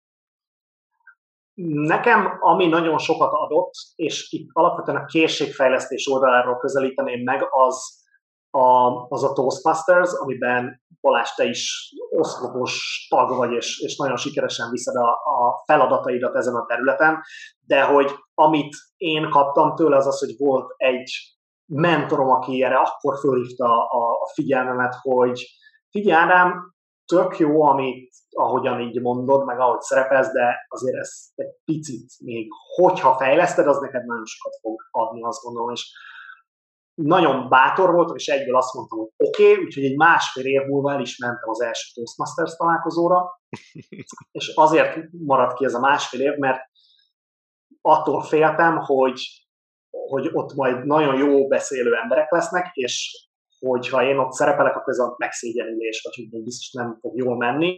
Voltak ilyen típusú élményeim az iskolából, és az, a, az első fele igaz lett az elképzeléseimnek, mert tényleg nagyon jó beszélő, és szuper tehetséges emberekkel találkoztam, de csupa mosolygó szemmel, egy biztonságos segítő környezettel, és én ott kezdtem el először mentorált lenni, hiszen volt egy, egy olyan vezető, aki elvállalta, hogy akkor nekem segít ezen a, az úton előre haladni, aztán tudtam együtt dolgozni másokkal is, és utána belőlem is mentor lett, és klubokat is, illetve személyeket is külön-külön mentoráltam egy-egy bizonyos időszakban, akkor, amikor olyan típusú segítségre volt szükségük, amit, amit én tudtam nekik adni, és utána lehet, hogy ajánlottam egy, egy másik mentort. Úgyhogy ez az időszak a készségfejlesztés nagyon kapcsolódik a, a, a Toastmastershez, és Emellett nem kikerülve a kérdést, ilyen klasszikus üzleti mentorom nincsen, viszont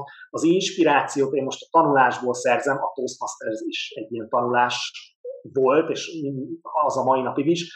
Viszont én beiratkoztam egy üzleti iskolába, ahol egy négy éves képzést csinálok most, ez Bostonban van, és Attilához itt a kapcsolódás hogy megbeszéltük az adást két hét múlva. Nem tudom, az adás kijönne addig, de addig nem. nem, fog, nem fog kijönni. Tehát amikor már hallgatja a kedves hallgató az adást, akkor már lehet, hogy kávéztunk egyet Bostonban Attilával, és ott a, az MIT-nak hívják ezt az iskolát, és a Sloan Business School-on van egy olyan képzés, ahol egy posztgraduális képzés, ami ilyen hibrid, tehát egy bizonyos részét élőben kell csinálni, egy bizonyos részét online, és én innét kapok elképesztő sok inspirációt, és bár definitíven nincs mentor-mentoráti szerep, de az, ahogyan egy ilyen iskola működik, ahogyan ott figyelnek a te személyes fejlődésedre, az de nekem minden inspirációt, üzleti, a jövőről való gondolkodásomat hihetetlen mód formája az, amit az, amit az MIT-n tanulok most már egy másfél éve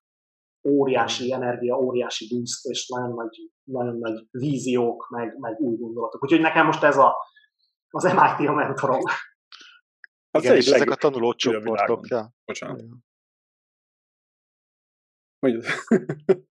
Igen, tehát ezek a tanulócsoportok nagyon, nagyon jók, hasonszörű emberekkel tényleg jön az inspiráció, és akkor egy kicsit ilyen oda-vissza csapatmunka, csapatsport, kisegítitek egymást, ki miben, ki miben jobb meg a kis Magyarország itt jön szembe, tehát azért nagyon helyre rak, tehát hogyha valaki esetleg túl nagy önbizalommal rendelkezne, javaslom, hogy, iratkozzon be egy ilyen suliba, és lesz önbizalma, de egy picit más horizontra kerül a, a bizniszet. Például volt egy olyan tapasztalásom, hogy itt nagyon sok nagy vállalati, de olyan, tehát mint a Google-nek a, az ázsiai vezetője volt az egyik kurzuson a, a szaktársam, vagy például a digitalizációban a, a Microsoft alelnöke adott egy, egy webinárt, és ott tudtuk tőle megtanulni azt, hogy az ilyen CD és Microsoftból hogy lett ez a felhő alapú, azt, azt ő vitte végig fantasztikus üzletasszony.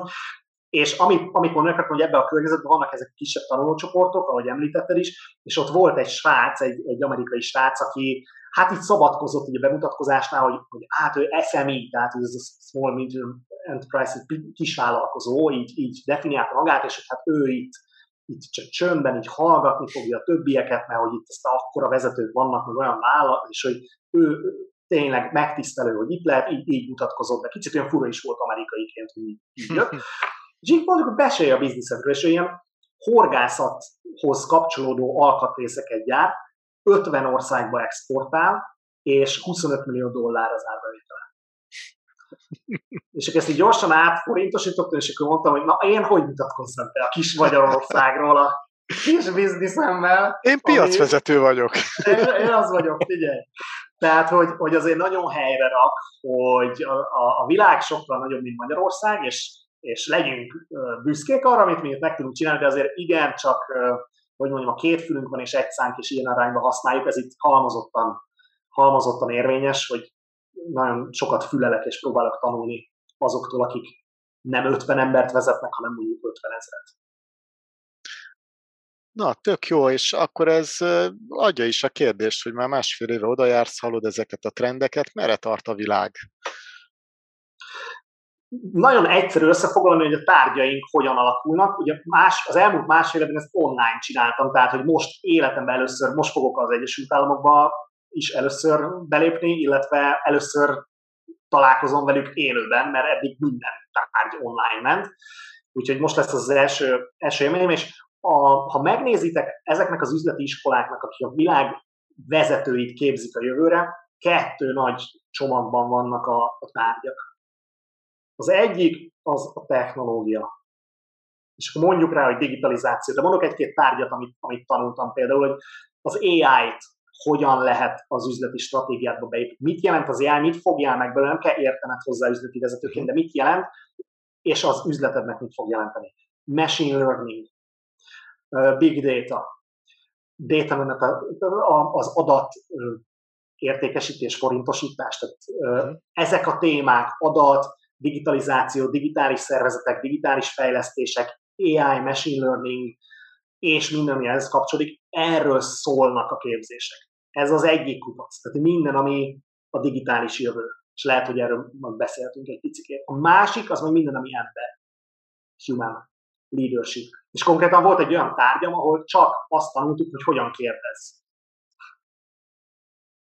Hat héten keresztül arról beszéltünk, inquiry-driven leadership, így hívták, hogy, hogy hogyan tudok bevonni, hogyan tudok olyan környezetet teremteni, ahol mások is szóhoz tudnak jutni, ahol a legjobb véleményt a felszínre tudjuk emelni, és ott ültek tapasztalt, több tíz év vezetői tapasztalattal rendelkező, szuper felső vezetők világ a legjobb cégeinek a top menedzserei, és írtuk a kérdéseket, hogy hogyan kérdezzünk, azt a kérdést, hogy lehetne még jobban megfogalmazni. Ilyen szinten a, a leadership, a vezetés és az emberi oldal ennyire le van bontva, és itt a visszajelzés, a, a csapatvezetés, a transformációk, a rengeteg, tehát alapvetően ez a kettő irány az, amit csinálnak, minden, ami ember, és minden, ami digitális és, és gép. Én ezt látom, hogy, hogy e, ez a kettő, amilyen irányba egy vezetőnek képezni kell magát, mert erre halad a világ. Jó, hát akkor ezeket egy kicsit részletezzük, reszelgessük ki mind a kettőt. Mi az, amit be tudtál építeni például ezekből a digitális dolgokból? Volt-e már olyan, amit beépítettél mondjuk a Brandfiz működésébe? Igen, van egy olyan fejlesztésünk, ami például ez a saját első digitális fejlesztésünk, hogy konkrétan van már ilyen, egy alapvetően tanácsadó típusú, vagy ügynökség típusú működésben egy olyan digitális eszközt hoztunk létre, ami például abban segít, hogy adat alapon élőben tud mérni, hogy milyen a munkáltatói márkád, és a versenytársakhoz képest hol állsz. Hm. Ezt különböző felületekről, social media és a karrier oldalak felületeiről álláshirdetések elemzésével, illetve a, a meglévő felületeire érkező reakciók ennek az agregálásával csinálja meg. Ezt a legtöbbször egyébként, ha, ha ilyen kérés van, ezt gyakornoknak szokták odaadni, és ezt kézzel csinálja. És nekünk van egy olyan 52 dimenzióból álló szempontrendszerünk, ami mellett egyébként a kollégáink is, tehát ez most még egy ilyen, ilyen hibrid verzió, hogy van egy teljesen digitalizált és automatizált része, és van egy, egy kvalitatív része, és ebből ez a platform képes arra, hogy mondjuk a versenytársaidat lásd, hogyha te munkáltatói márkával foglalkozol, és mondjuk akarsz egy tök jó álláshirdetést, akkor ott vannak a versenytársak, és simán ki tudod listázni, hogy kinek mi volt a legjobban teljesítő álláshirdetése. Hogy mondjuk globális vagy, vagy lokális szinten mik a legjobb gyakorlatok. Hogy milyen tartalmak azok, amikre az emberek munkáltatói márkaterületen leginkább reagálnak. Tehát ez már egy olyan digitális platform, ami, ami egy nagyon más. Ez régen ugye prezentáció, több hónap, kutató munka, report, stb. Most meg belépsz ide, és élőben látod. És nyilván még nagyon gyerekcipőbe jár, és nagyon sok mindent kell ezen fejleszteni, és most is nem tudom én hány üzenet villog nálam, hogy ezt kell javítani, az, ezt. De hogy alapvetően elindultunk ebbe az irányba, és én azt látom, azt tanulom, hogy, hogy ebben kell, kell ügyesnek lenni, és ennek egy lépéssel előrébb ugye az AI és a, és a machine learning, ami hihetetlenül izgalmas. Tehát itt azt mondják nekünk, hogy ez olyan szinten a világ, azt hiszem 11. ilyen mindent megváltoztató találmánya lesz, mint a tűz, a lőfegyver, az iránytű, a kerék, a nem tudom, mit van, az elektromosság, az, meg az internet. Tehát, hogy az elmúlt száz évből ezek voltak. Nem semmi, nagyon, egész jól össze is jött, igen, mind a tíz. Nagyon-nagyon meg, meghatározták, és mindent megfordítottak a, a, a világon, az elektromosság, aztán az internet, és azt mondják, hogy az AI is, mert az alapvető logikája más, mint, a, mint az a típusú digitális logika, amire most az egész világunk felépül, és ez szuper izgalmas. Fantasztikus. Másik oldal akkor az éremnek vezetésben, mik, mik most a, a trendek, vagy e, ott mit tanultál, hogyan kell szervezetet építeni? Szerintem itt sokkal kevésbé ennyire tiszta a kép, mint a digitális vonalon, azt valahogy így könnyebb megfogni, és így egyértelműen kijelölni a trendeket. És talán amiatt lehet, mert mi mindannyian mások vagyunk, ahonnét jövünk, az is más, és lehet, hogy abba tartunk. Tehát nem tudsz felrakni egy ilyen térképet, hogy na, ez a tuti megoldás, innét ide tessék eljutni, hanem annyira inkább a képességeket igyekeznek fejleszteni, vagy, vagy megközelítést, szemléletmódot adni, és például lesz, hogy mondjuk hogyan tudok bevonni, vagy, vagy mondjuk hogyan tudjuk elkerülni ezt a hippo effektet, ez a highest paid person's opinion, tehát hogy vajon a meeting végén van-e hippo effekt, hogy jót beszélgettünk, de egyébként az van, amit a CEO akar. És hát figyelj, megkérdezed a kollégáimat, tehát biztos, hogy tudnak kritikát is mondani, férfizzadok ezzel napi szinten, lássuk be. Tehát, hogy nekem is személyesen nagyon oda kell figyelnem, valamikor sikerül, és hát valamikor gyarló ember módjára elbukom. De igyekszem ezeket, ezeket fejleszteni és ezeket beépíteni.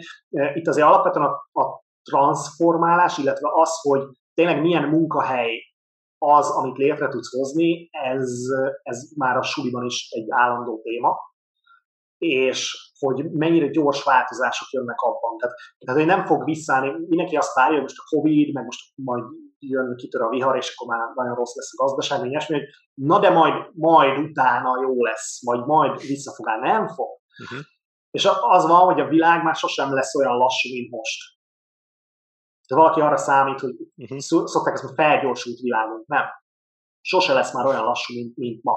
Ennél csak gyorsabb lesz. És az a kérdés, hogy, hogy ebben hogyan tudsz olyan dinamikus lenni, amit az ókori kínaiak is megmondtak, hogy ugye ami merev, rugalmas, az, az, az elhal, ami, ami flexibilis, ami tud alkalmazkodni, az, az fennmarad. És hogyan tudsz ilyen gyorsan alkalmazkodó cégeket létrehozni, értve ez alatt pénzügyet, termékfejlesztést, people managementet, minden rendszert, amit ezekben a hatalmas nagy cégekben működtetnek, hogy tudsz gyors lenni, akár akvizíciókon keresztül, mert az a rigid struktúra, ami mondjuk egy IBM-et elvitt A-ból B-be, az ma már nem működik.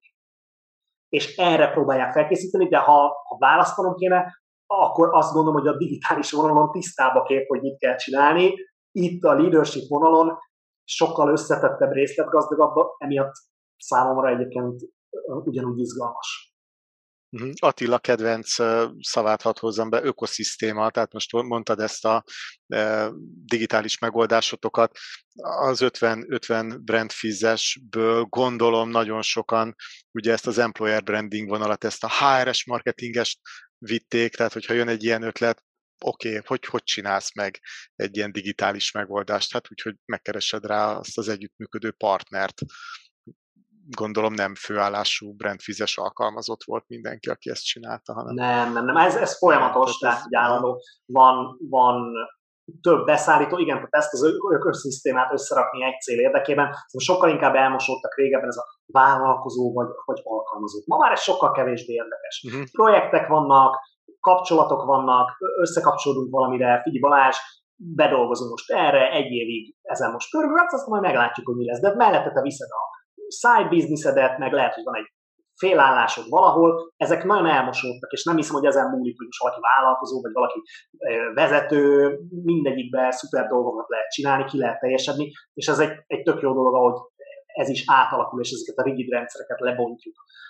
Nagyon izgalmas, és sokkal könnyebben meg tudjuk benne találni azt, ami nekünk jó. Ugyanakkor ugye a szabadsággal együtt jön a választás nehézsége is, ahogyan azt megtanultam néhány sörözés mellett filozófia szakos hallgatóktól, hogy választás, választásnak a legnagyobb csapdája, vagy a nehézsége, hogy amikor valamit választok, akkor minden más valamit nem, nem választasz. Igen, minden más nem választ. Nem választottál, igen. És ez a nehézség és a szabadsággal ez jön, hogy, hogy választott folyamatosan, és generációs témákra is ki lehetne utalni, hogy de, de azért csak nem érezzem jobban magam a bőröm, de akkor, akkor hol van a gond? Igen, meg ez a FOMO effektus, ugye, tehát hogy a, akkor miből maradtam ki, hogy fókuszáljak Pontosan. úgy, hogy akkor én most csak, csak ezt a vonalat viszem, amit már itt a beszélgetés elején mondtunk, hát hogy amikor mm, pedig ott a digitális vonalon mit, mit kihagyok, ha, ha szakmányban csinálom ezeket az AI-s megoldásokat, vagy elemzéseket nem csak employer brandingre, hanem nem tudom, ruhák összehasonlítására is. Ja, nem, nem, nem tudom, bocsánat, eléggé hangsúlyozni, és mindig ide kerül, keverünk vissza, hogy, hogy, hogy tudsz, hogy ki vagy. Te, mint személy. Mert, mert ez olyan, hogyha téged a digitális világ érdekel, akkor a digitális világra fogsz, felé fogsz kanyarodni, és nem a, a pszichológia felé. Ugyebár a, a leadership téma, ez is inkább pszichológiát kóstolgatja, mint bármi mást. De fordítva viszont ugyan, ugyanez a helyzet, hogyha téged az emberek érdekelnek, akkor nem fogsz a digitális világ felé izélni, és akkor nem kell ezen gondolkodni, oké, és akkor mit hagytam az asztalon. Hogy tudod, hogy te mit akarsz, hogy téged milyen elemek, milyen, hogy, hogy vagy bedrótozva. És abból indulsz ki, és az alapján választod a, a különböző utakat, és, és segít téged abba, főleg az elágazásnál, hogy hova, merre akarsz menni, akkor már meg se fordul a fejedbe, hogy oké, okay, mit hagytam ki, mert azzal a választással te már jóba vagy. Te, te, te azzal már barátságban vagy, már, már nem, nem egy idegen számodra. Ez olyan, mint a sportról az elején is. Ha te téged úgy rakott össze az anyatermészet, vagy a genetika, vagy hívjuk azt, amit, hogy, hogy te jó súlyemelő vagy, akkor súlyet emeljél, és te futsál.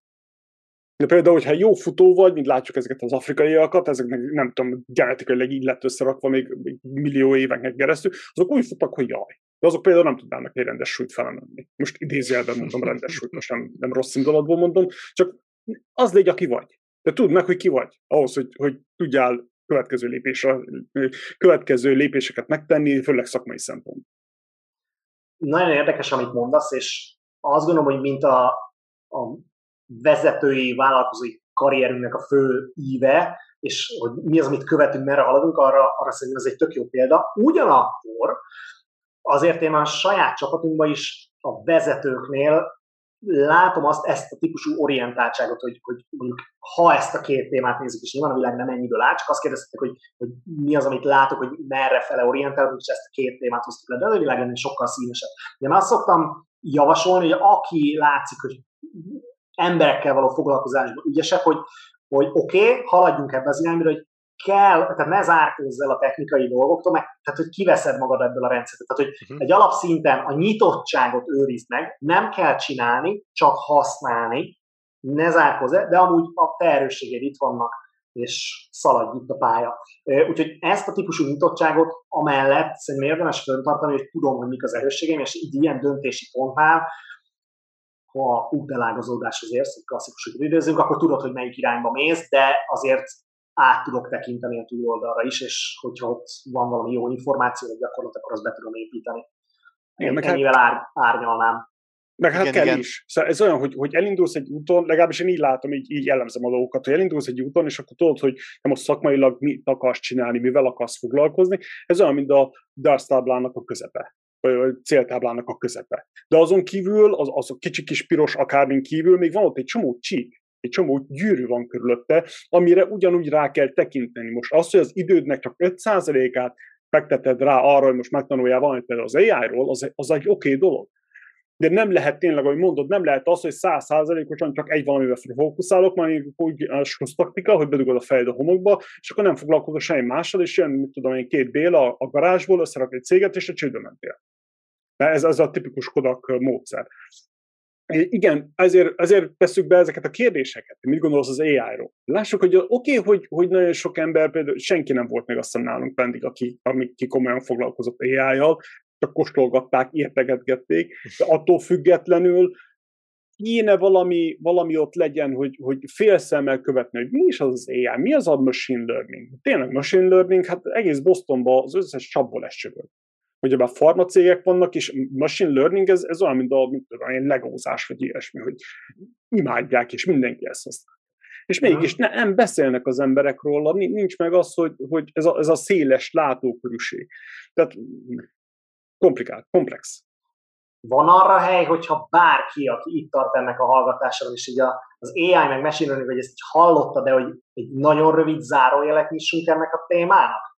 Hogy ez amúgy üzleti szempontból, biznisz szempontból mi a lényeg, vagy mi az, amire figyelni kell egy vállalkozónak. Mert sokat halljuk, de a nap végén az a kérdés, oké, okay, mit csináljak vele.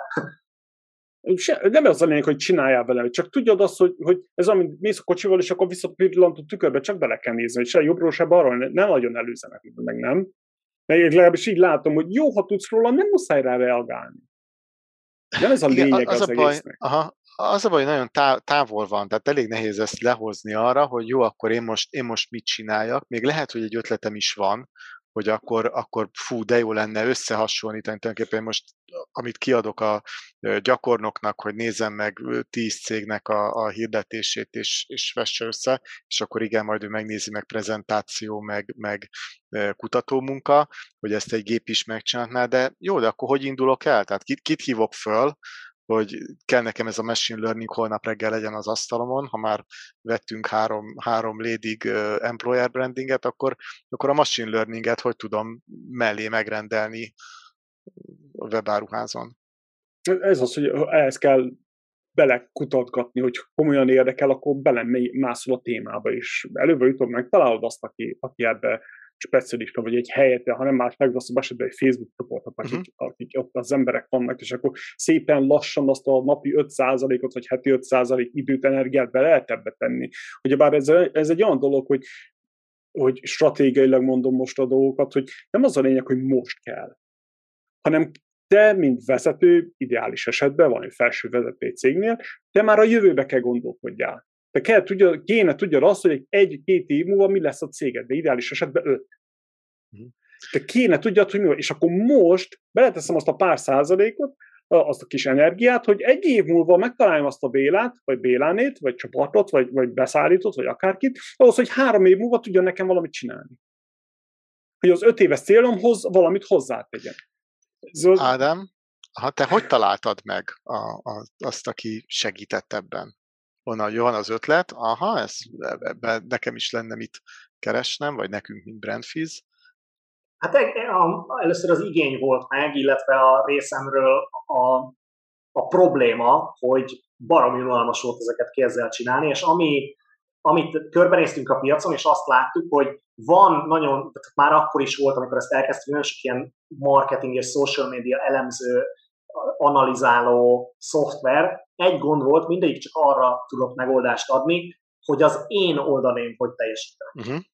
Tehát össze tudtam gyűjteni, mondjuk én vagyok egy valamilyen nagy vállalatnak a klaszter vezetője, HR vezető, tartozik hozzám kilenc ország, és mindenhol a Facebook, Instagram, LinkedIn oldalaknak az adatét, hogy ne kézzel riportálják, meg van egy nagy közös Excel, amiben mindenki a saját sorát kitölti minden hónapban, tehát hogy ne így csináljuk, erre van megoldás. De az, hogy én másoknak az adatait a saját metrikáimmal összehasonlítva, és összehasonlítható módon ugyanúgy élőben begyűjtsem, amihez nincs admin jogom, tehát ez a úgynevezett public data-ból tudok dolgozni, és ezt valamilyen szoftver leelemezze, és tegyen hozzá mondjuk olyan javaslatokat, ami kifejezetten employer releváns, ilyen nem volt. Tehát alapvetően a probléma volt az, ami nagyon feszített, hogy ott ülök HR-esként, kéne számokat hoznom, kéne konkrétumokat, és egy, egy social médiás Excel tábla a legtöbb, amit tudok hozni, de mondjuk a versenytársaimhoz mondjuk vagy állandóan piackutatást kell rendelnem, vagy nem elég kézzelfogható, hogy na akkor nekem, az én cégemnek a következő negyedében ez mit jelent. Ez a probléma volt, ami, ami, ami feszített, és azért ebben nyilván itt a környezetünkben elkezdtünk keresni, és volt egy tök fejlesztő cég, de voltak egyének is, akikkel mondjuk a demót lefejlesztettük, házon belül volt olyan kollégám, aki akkor abban az időszakban tökre érdeklődött ez iránt, és akkor ők segítettek ebbe. És folyamatosan változik a csapat, vannak, akik érkeznek, vannak, akik távoznak, és próbáljuk ezt az ökoszisztémát fenntartani, hogy, hogy ez folyamatosan tudjon fejlődni. Ebben az AI még nincs bent. Tehát ez önmagában egy, egy klasszikus digitális eszköz, hogyha úgy tetszik, de a, a, az AI-nak az igazi átütő ereje szerintem még nagyon kevés helyen van ott. Sokszor a, ezt az if-then dolgot is azt mondjuk, hogy az AI pedig egy uh-huh. nagyon egyszerű Igen. függvény, gyakorlatilag ez nem AI, és amikor az ember megérti az AI-nak a valódi működését, az miben különbözik, minden eddigitől, és mennyire tudja fölforgatni a működését, hogy hogyan tud túljutni, hogy a polányi paradoxon szokták ezt a piros vonalat, ami az emberi elme határa, és hogy azt, ez a típusú logika hogy fogja átlépni, az valami szuper izgalmas, nagyon-nagyon izgalmas. Igen. Szuper. Na, hát akkor erre tart a, a világ, de hogy te hol látod magadat, meg a Brandfist egy ilyen 3-5-10 év múlva, med- meddig tervezel előre, meg az ameddig szeretjük, ameddig Aha. szeretjük csinálni, ha nem szeretjük, akkor, akkor engem nem érdekel annyira, és nyilván itt, itt van van egy, van egy nagyon jó vonal, amin, amin megyünk, és ami látszik az az, az hogy, hogy ennyi év tapasztalat után, ami nem sok, de nem is kevés, ezen a szakterületen nagyon intenzíven elkezdtek minket keresni nemzetközi szinten, Tehát az egyik az biztos, hogy az, hogy ezek a nemzetközi együttműködések és a, az egész munkáltatói márka szakmának a úgymond klaszterizálódás és a nemzetközi tenderek az egy, az egy óriási trend. Itt meglepően el van maradva, vagy elmaradásban van ez a szakma, mint marketinghez képest, ahol ez már alapvetés. Uh-huh. Itt, itt ebben egy nagyon nagy lehetőség van, és akár egy olyan típusú működésben, mint amiből nagyon sok nagyvállalat megél Magyarországon, hogy ugye a, shared service centerek a több tízezer magasan képzett munkavállalót foglalkoztatnak, és amúgy tök jó munkahelyeket hoznak létre. Úgyhogy ez, ez biztos, hogy egy olyan másik egyértelmű technológia. Tehát jelenleg a Brandfiznek ez a típusú struktúrája nem skálázható, de a digitális eszközökön keresztül már igen. És szeretnénk minél több embernek, nem csak egy Dunaújvárosnyi embernek, hanem van egy 20-25-ös stratégiánk, és szeretnénk nagyon kiterjeszteni azt, hogy hány embernek lesz jobb munkahelye azáltal, hogy mi tevékenykedünk. Mi erre vállalkozunk, és próbálunk ebbe minél nagyobb eredményeket elérni, és sokat tanulni az útközben. Mi a cél? Debrecen? Budapest? Mexikó Szeret? Szeret, szeretnénk, szeretnénk azt, hogyha ez, ez, ez bőven százezer és millió fölé skálázódna. Uh-huh. Az, hogy akár a digitális eszközökön keresztül egy embernek a munkalapja, az hogyan, hogyan tudjuk hozzátenni, hogyan tudjuk azt uh-huh. picit valahogy jobban varázsolni. Igen, akkor ez már egyfajta ilyen világméretű probléma, amit, amit meg akarsz oldani, hogy van egyfajta küldetés.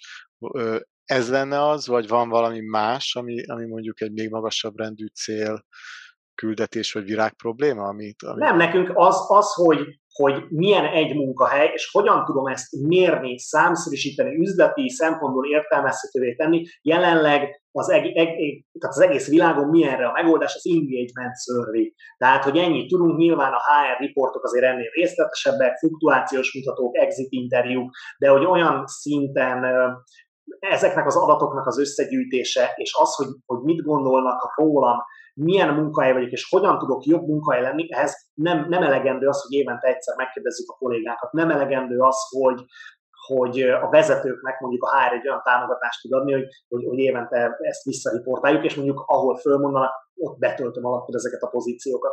Tehát azt gondolom, hogy nekünk ez bőven elegendő méretű probléma, hogy a, a HR vezetők kezébe olyan eszközöket tegyünk, ami el tudja azt mondani, hogy hogy milyen a te munkáltatói márkád kívül belül, és ez a versenytársakhoz képest hol van. És ebből olyan konkrét akciók jöjjenek le, amivel hétfőn már el tudsz kezdeni dolgozni.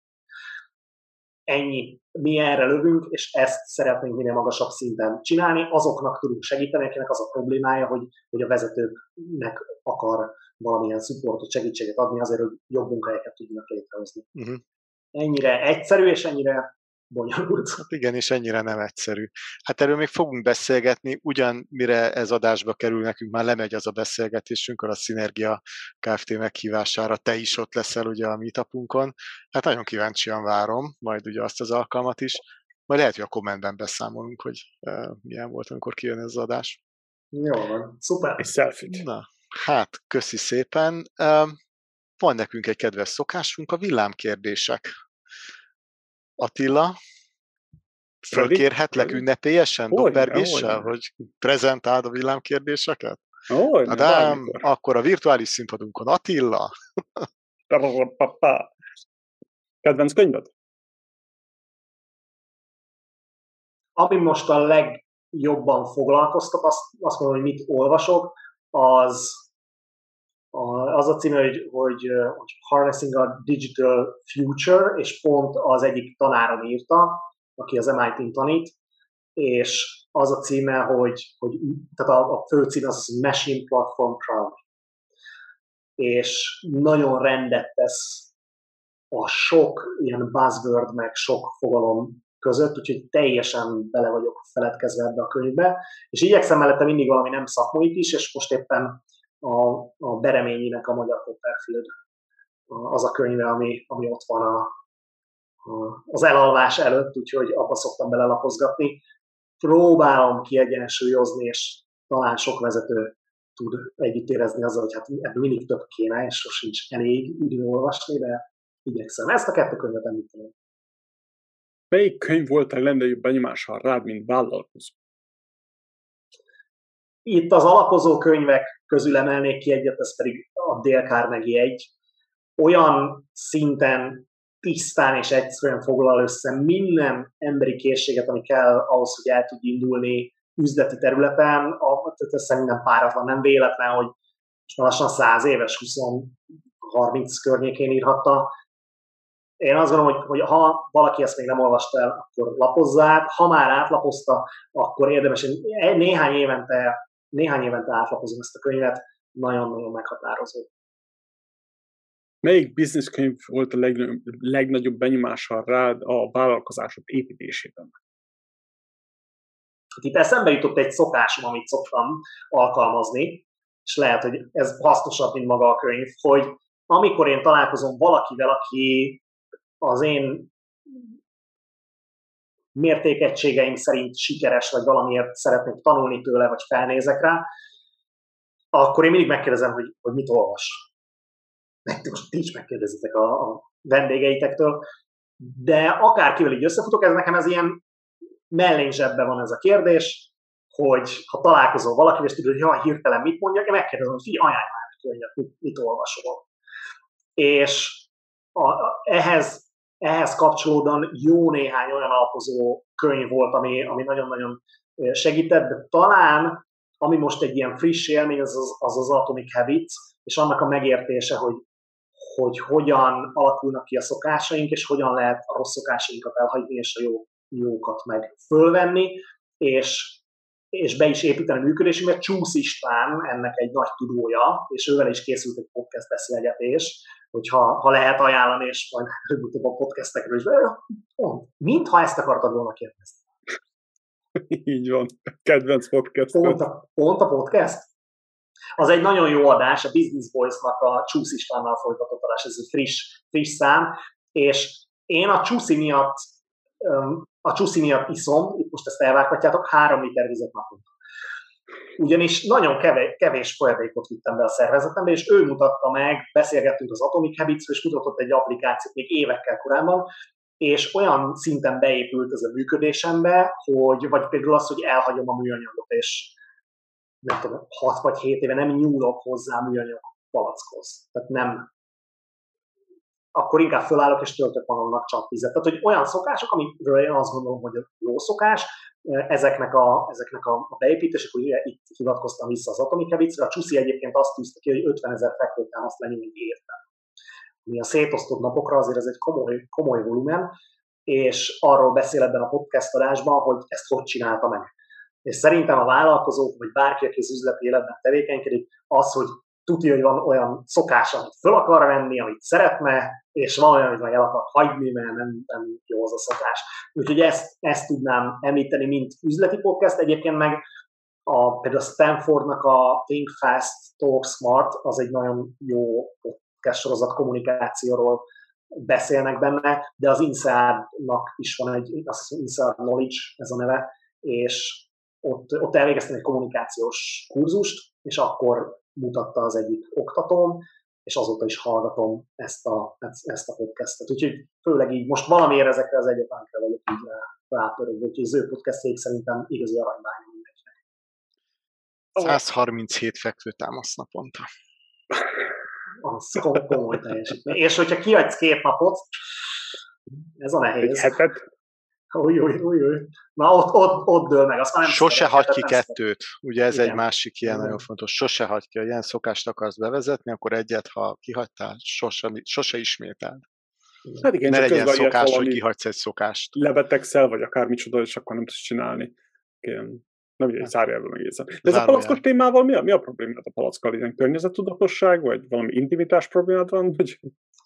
Én, én nekem az, hogy, hogy tehát igen, műanyag tehát eco footprint, és például a, a, amikor a marketinges cégemmel dolgoztunk, akkor egy víztisztítókat forgalmazó cég is az ügyfelünk volt, és ott például a, a bevásárló központ közepén volt olyan, amikor kiraktak egy, egy halom, tehát hogy olyan annyi PET palackot, amennyit egy ember elfogyaszt Magyarországon átlagosan. Ez egy hatalmas kupac PET palack. És így összeszoroztam, hogyha most én a életem hátralévő részében ezt így minden évben produkálom, meg mondjuk így a környezetemben lévő emberek is, akkor ez valami egészen eszetlen mennyiségű, és elgondolkodtam rajta, hogy ezt hogyan lehet kiváltani, és egy nagyon kedves ismerős ma az Európai Vízügyi Szövetségnek a vezetője, egyébként Toastmasters-en belül pont mentoráltam volt, és mondtam neki, hogy értem, hogy most hivatalból te neked azt kell mondani, hogy a víz jó, de hogy így most mondd el nekem légy meg lehet inni a csapvizet.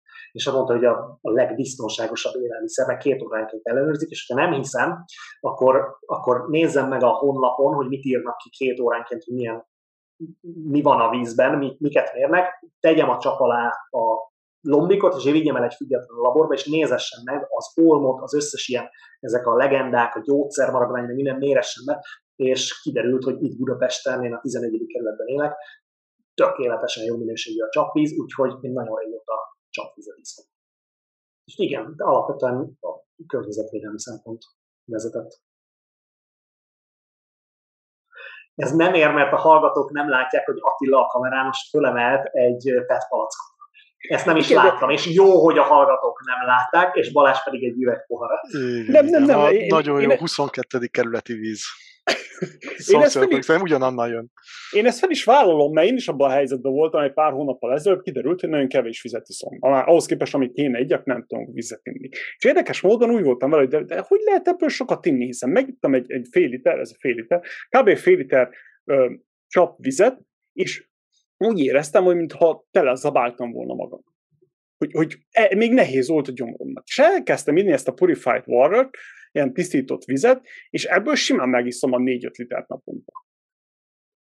Akkor most... Valamit valamiért. Így van. Nem, biztos, biztos, hogy, biztos, hogy lehet, lehet találni olyan köztes megoldást, hogy ne legyen ekkora, ekkora a, a lábnyom, de örülünk neki, hogy, hogy, hogy fogyasztod a vizet. így, így, kanyar, így kanyarítsuk le a témát. Igen, igen, de mennyire villámok ezek a kérdések, hogy egy kérdéssel eltöltünk 10 percet. Hát a becsap a villám, és utána mennydörgést hallják a hallgatók. Meg, meg a másik dolog, amit muszáj hozzátegyek, mert, mert ez engem nagyon zavar, az, hogy én emlék az üzletben, megveszem ezt a palackvizet, kifizetem rá az extra díjat, na a Péle palaszra, nem tudom, 5 centet, vagy még kell fizetni rá, szelektívan uh, dobom ki őket, szóval recsiklásba kerül meg mi egymás, akkor miért én vagyok a szennyező? Nem én vagyok a szennyező, hanem maga a rendszer a szennyező, mert nem, újra, nem hasznosítja újra. Az, az pedig már teljesen fe, magam felett áll, sőt, ilyen szempontból sokkal jobban hozzájárulok a környezetudatossághoz, mert extra adót fizetek be azért, hogy valaki takarítson. Most az, hogy ők nem csinálják meg, én ez egy nagyon nagy témát nyitnak ki. Részigazság, hiszen... Hívunk, hívunk szakértőt, na majd akkor mindjárt keressünk szakértőt majd. De egyébként zárójelben még én megjegyzem, hogy éppen most jött ki a nagy hír, ami, ami borzasztóan felháborító, szomorú és, és siralmas, hogy, hogy Cambridge-be szennyezett a víz. És ilyen nehéz szennyezett, ilyen, ilyen maradék, hogy, hogy, hogy hívták ezt, ilyen maradandó szennyezés van benne. És itt van az egyik világ legnagyobb városa, gazdag, izé, MIT ott van, meg Harvard, meg nem tudom micsoda, és szennyezett a víz. Zárva el kell reptetnem a budapesti vizet Bostonba majd, hogyha Úgy, úgy, úgy, hozzá legyen, Jó, tiszta, tiszta Budapest. Te, te, tegyem mellé kis túrúrudit is, nekem is jó lesz. Jó. uh, kedvenc business podcasted?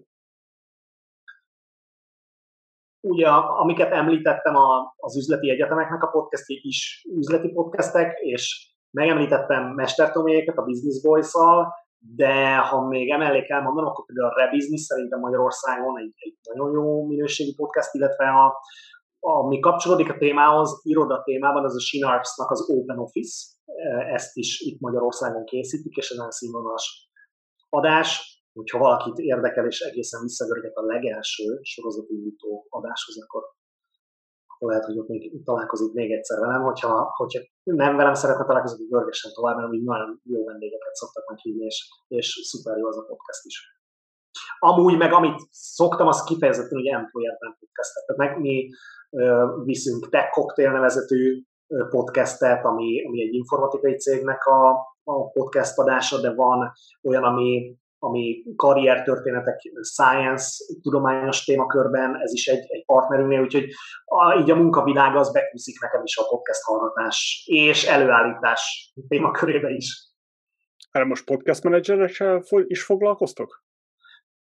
igen, ugye ez a kivitelezésnek a része. Tehát amikor azt mondjuk, hogy munkáltatói márka, mi ától csináljuk, az azt jelenti, hogy a teljes kampányt, ha kampányt szeretnénk csinálni, az egészet végigvisszük, aminek Magyarországon már olyan lábai vannak, hogy bizony vállalatok a saját belső működésükről, a karrier lehetőségekről podcasteket indítanak, és ezt mi saját stúdióval, vagy stúdióeszközökkel, akár kitelepülve hozzájuk, a teljes műsorstruktúrával, hirdetésekkel, ezt visszük, és nagyon sikeresen működik. Na, hát erről üljünk le, és beszéljünk még egyszer. Ez, kedvenc, ja. ez egy kedvenc témánk ez a podcasthez is. Hát Szuper. tudom, mindegy. Na mindegy. Uh, mi, mi az, ami szakmailag most inspirál legjobban? A leginkább nekem abban van vitamin, ha látok olyan vezetőket, akik, akik, akik fejlődnek, és akik előrébb tudnak jutni. Mert akkor közösen mindig tanulunk egymástól. Ez lehet akár egy ügyfelem, ahol mondjuk a vezető nagyobb tapasztalattal rendelkezik a vezetőként, mint én, Ugyanakkor ezen a területen meg én tudok neki segíteni, mert ehhez meg értek jobban, és az, hogy hogyan, tehát ahogyan mi interaktálunk, és ahogyan az ő problémáit um, igyekszem megoldani, az valami hihetetlen inspiratív. Alapvetően a vezetők, és akkor itt, itt a, a Brandfizes saját csapattagjainkra is gondolok, akik tényleg látunk olyan szuper tehetséges embereket házon belül, akik két-három év alatt akár pályakezdő pozícióban most olyan, olyan projekteket, olyan árbevételeket visznek, hogy, hogy az állunk leesik, és igazából az ő fejlődésük az, hogy ő nekik tudjunk segíteni abban, hogy, hogy még előrébb jussanak, ez nekem egy óriási inspiráció. Hogyan menedzseled a feszültséget? Ugye vannak a fizikai részeimre egész egyszerűen szokás szinten oda kell figyelni. Az azt jelenti, hogy ha érzem, hogy ilyen feszült helyzet van mondjuk napokon keresztül, hogy nyilván ez a folyamatos sportolás, a, tényleg a legalapvetőbb biológiai szint, előadások előtt szoktuk mondani, hogy tessék meglátogatni a mellékhelységet, tehát úgy ne állj ki a színpadra, hogy amúgy majd az első dolgod, ami a színpad után lesz, az, hogy mosdó. Tehát, e, bocs, ez totál biológiai szinten indul ez a feszültség, tehát amit tudunk hogyha kicsit morcos vagyok és harapósabban fogalmazok, akkor végig gondolom, mikor utoljára. Ezekre a dolgokra így figyelni kell. És ezen felül a következő szint az az, hogy hogyan tudom megelőzni. És ez nagyon nagy mértékben a delegálás, hogy hogyan tudok bevonni kollégákat, képessé tudom meg őket tenni arra, ami mondjuk jelenleg az én feladatom, de szeretném, hogy ne az én feladatom legyen. És amikor pedig ott vagyok benne a szituációban, akkor nekem egyszerűen versenysport bekapcsol. Tehát az, hogy, hogy úgymond feszkó van, hogy helyzet van, ott, ott, ott az, a teljesítmény csúcsot hozza ki, és ott gyorsan kell dönteni, jól és bátran belemenni a szituba. És amikor ezt egy vezetőtől látja valaki, akkor azok, akik mondjuk kevésbé ilyen habitussal rendelkeznek, azoknak én azt gondolom, azt látom, hogy ez igazából biztonságot is ad a csapatnak, hogy tudjuk, hogy merre megyünk, és szeretek ilyen szitukban benne lenni, és gyorsan döntést hozni. Mi van a zsebedben? Mit hordasz általában magadnál? Van. Erre milyen válaszokat szoktatok kapni azon kívül, hogy telefon, esetleg pénz vagy zsebkendő? Tehát hát tényleg hát, érdekel. Általában a, a férfiak ebbe az irányba mennek, és a hölgyek úgy vannak vele, hogy nekünk van egy retikül, amiben minden benne van. Igen, és ez a jaj ah, nincs igen. zsebem. Igen, ez a jaj nincs zsebem, de a retikülben minden van.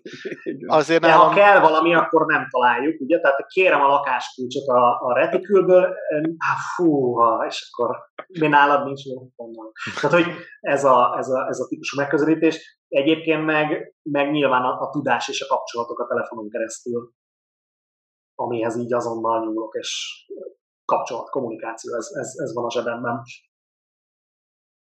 Rendezett vagy rendetlen iroda? Rendezett. Ebből kifolyólag, ha most meg kéne állapítanom, hogy milyen, akkor nyilván azt mondom, hogy rendezett. Nem, nem elég rendezett, de alapvetően szeretek rendet tartani magam körül. Úgyhogy Helyes. ha választanom kell, akkor egyértelműen a rend. Mit jelent számodra a pénz? Hmm, eszközt. Semmi többet, meg egy jó mértékegység szerintem.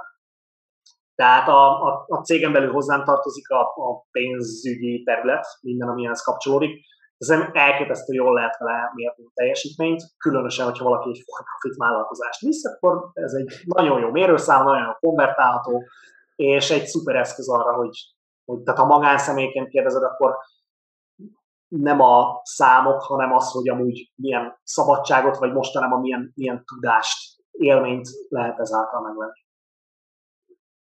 Mit jelent számodra a siker? Mm, ha, ha, az, ami a személyiségemhez kapcsolódik, az a visszajelzést, elismerést, megerősítést, a, abból, amilyen én vagyok. Tehát ez egy valamilyen szintű visszacsatolás.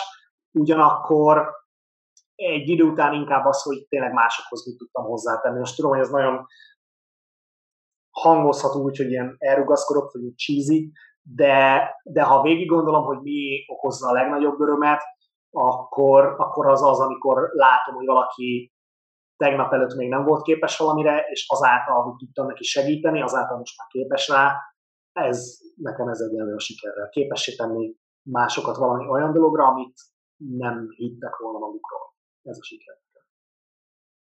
Mondjál nekünk valamit, amit még senki vagy kevesen tudnak róla. Azt, azt kevesen tudják rólam, hogy, hogy sok jogosítványom van, értem ez alatt autó, motor, nagy motor, hajók, vitorlás, motoros hajó, ez belvizen, tengeren, úgyhogy szerintem ezt, ezt lehet, hogy kevesen tudják rólam, hogy, hogy sok közlekedési eszközt tudok vezetni, a levegő az nem vonz, de, de ezen kívül a, a, a többi, többi lehet majd egyszer így poénból megtanulok buszt vezetni, vagy ilyesmi, de szeret, szeretek közlekedési eszközöket vezetni, a közül a hajó az nyilván toronymagasan ki, kiemelkedik szeretsz vezetni. Szerinted mennyire fontos a szerencse az üzleti életben? Tudsz mondani százalékot? Egy visszakérdést tudok, hogy rövid vagy hosszú távon? Kérdezem. Mert szerintem más. Rövid távon, rövid távon bejátszhat, de én próbálom ezt elkerülni, tehát van erre egy ilyen definíció, hogy a, hogy a szerencsét az üzleti életben a, a felkészültség és a lehetőség találkozásánál kell keresni.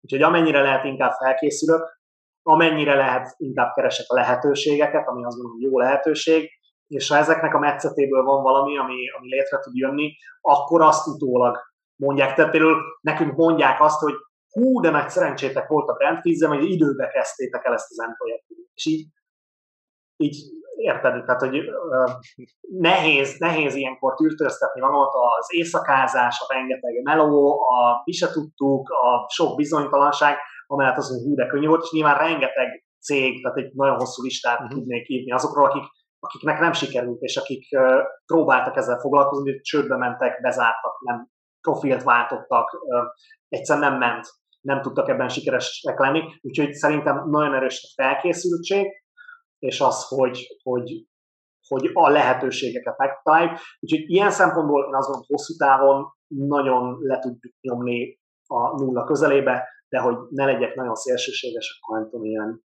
1 és 10 százalék között lehet szerintem hosszú távon a szerencsefaktor. Mi az élet értelme? Na hát ezt majd, ha megmondjátok, visszajövök az adásba, vagy ha én rájöttem. Mit szoktak erre válaszolni? Mindenki mást. Kinek mi? Okay. Kinek mi? Ha megvalósítani, önmagadat, megvalósítani önmagadat, meg például Claudia azt családot mondta, ilyesmi. Ki, kinek És elhangzott a klasszikus 42 is. Oh, azzal nehéz vitatkozni, azzal nehéz azt, vitatkozni. azt. Azt az, azt AI, az, azt az AI kiköpte. Az annyi. De talán, hogyha ha így zárásként meg kéne fogalmaznom valamit, figyelj, adott egy, egy lehetőség, megszülettünk erre a bolygóra, én azt gondolom, hogy nagyon jó helyre születtünk, tehát mi, akik, akik most beszélgetünk, és akik ezt a nyelvet értjük, mi nagyon jó helyre születtünk a világban, és vannak a világnak olyan részei, nagyon sok, ahol messze nem kaptunk ennyi lehetőséget, csak így hajlamosak vagyunk panaszkodni. És ha már ez a lehetőség megvolt a mi számunkra, akkor, akkor a, amikor mi már nem leszünk, akkor ahhoz a világhoz egy picit hozzá tudtunk tenni valamit. Valamiért jobb lett az, hogy mi itt a Földön eltöltöttünk néhány tíz évet. Ha ezt, ha van egy ilyen legacy, vagy egy ilyen hagyatéka ennek, hogy a világ valamelyik része, és mondjuk lehet az én esetemben az, hogy egy picit más, hogy jobban dolgozunk, mint, mint korábban, vagy ezzel tudtam hatni emberekre, környezetemre, akkor akkor lehet, hogy volt, volt értelme annak, hogy én, én itt vagyok, itt voltam ebben a földi létben. Az Jó. biztos, és volt értelme erről beszélni, beszélgetni, úgyhogy nagyon szépen köszönjük. Ádám. Igen. Köszönöm szépen a meghívást, és a, a szuper beszélgetést is. Megtisztelő volt az elődök sorához csatlakozni, és egy nagyon fontos dolog, amit el akartam mondani, hogy kösz. Köszi, hogy ezt csináljátok. Mert, mert hogy valamennyire rálátok, hogy, hogy mekkora meló egy ilyen, és nyilván lehet itt dimenziókat behozni a személyes érdeklődésen kívül, hogy ez miért jó, de azt gondolom, hogy, hogy ha már arról beszélünk, hogy hagyaték, vagy valami, ami megmarad utánunk, ez a, ez a jó néhány beszélgetés, ez már a ti uh, memoárotokba biztos, hogy be fog kerülni, és ez valami olyan dolog, ami, ami, ami fönn, fönn fog maradni, és nagyon köszönöm, hogy ezt elindítottátok, és nem tudom, volt-e már bárki, aki ezt így visszaélezte, de szerettem volna mindenképpen megköszönni nektek, hogy ezt csináljátok, mert nagyon nagy értéket látok ebben, amit, amit létrehoztuk, úgyhogy megtisztelő volt itt lenni, köszönöm szépen. Akkor már nem csináljuk hiába. Nem az bizony. Köszönjük szépen. Még mindig azt mondom, hogy, hogy csak csináljuk magunknak, érezzük jó, jó magunkat, azt, ha, akinek tetszik, tetszik, akinek nem, nem. De hát legalább egy ember már, már mégis köszönte. Köszönjük szépen a köszönést. Sziasztok. Valami mielőtt lekapcsoljuk? Ádám, valami, nem akarjuk belét szólni, szó, folytani a szót, valami más hozzáfűzni valamit? Nagyon köszönjük, hogy végighallgattátok a mai adást, a műsorvezetők Attila és Balázs nevében, és köszönöm, hogy itt voltatok velünk. Hogyha érdekel titeket a podcast sorozatunk, akkor nyugodtan adjatok visszajelzést, iratkozzatok fel, hogy értesüljetek a legfrissebb adásokról. Hagyjatok nekünk üzenetet, kommentet, social media felületünkön, megtaláltok minket a Facebookon, a LinkedIn-en, illetve van egy weboldalunk is. Hogyha szeretnétek ajánlani valakit, akit hívjunk meg ebbe az adásba, akkor ezt is megtehetitek a honlapunkon. Találkozunk a következő adás alkalmával. Ez a mai nap pedig ezen a ponton zárul. Köszönjük szépen, hogy itt voltatok velünk. Sziasztok! Sziasztok! Köszönjük, hogy velünk tartottál, és meghallgattad a mai epizódot. Csatlakozz a beszélgetéshez, és oszd meg gondolataidat, kérdéseidet a Magyar Business Podcast csoportban, a magyarbusiness.org honlapon, és ha már ott jársz, nézd meg a mai podcast résznek a videó változatát. Kövess minket a YouTube-on, ahol minden nap friss új klippekkel fogunk téged kényeztetni. Köszönet jár a vendégünknek és az egész csapatnak. Zsapka Andrea, Somogy Balázs, Szűz György, Lázsú Bele Bajnocki Bálint. A magyarbusiness.org a hiteles magyar vállalkozók közössége, ahol a céget skálázása áll a középpontban. Iratkozz fel a havi hírlevelünkre a magyarbusiness.org hírlevél oldalon, nézd meg a podcast klippeket a YouTube csatornánkon, és ha tetszett az adásunk, írj egy csillagos ajánlást az Apple Podcastben, vagy ahol éppen hallgatsz minket. Köszönöm a figyelmedet, Foris Attila voltam. A következő alkalomig hatékony skálázást kívánunk.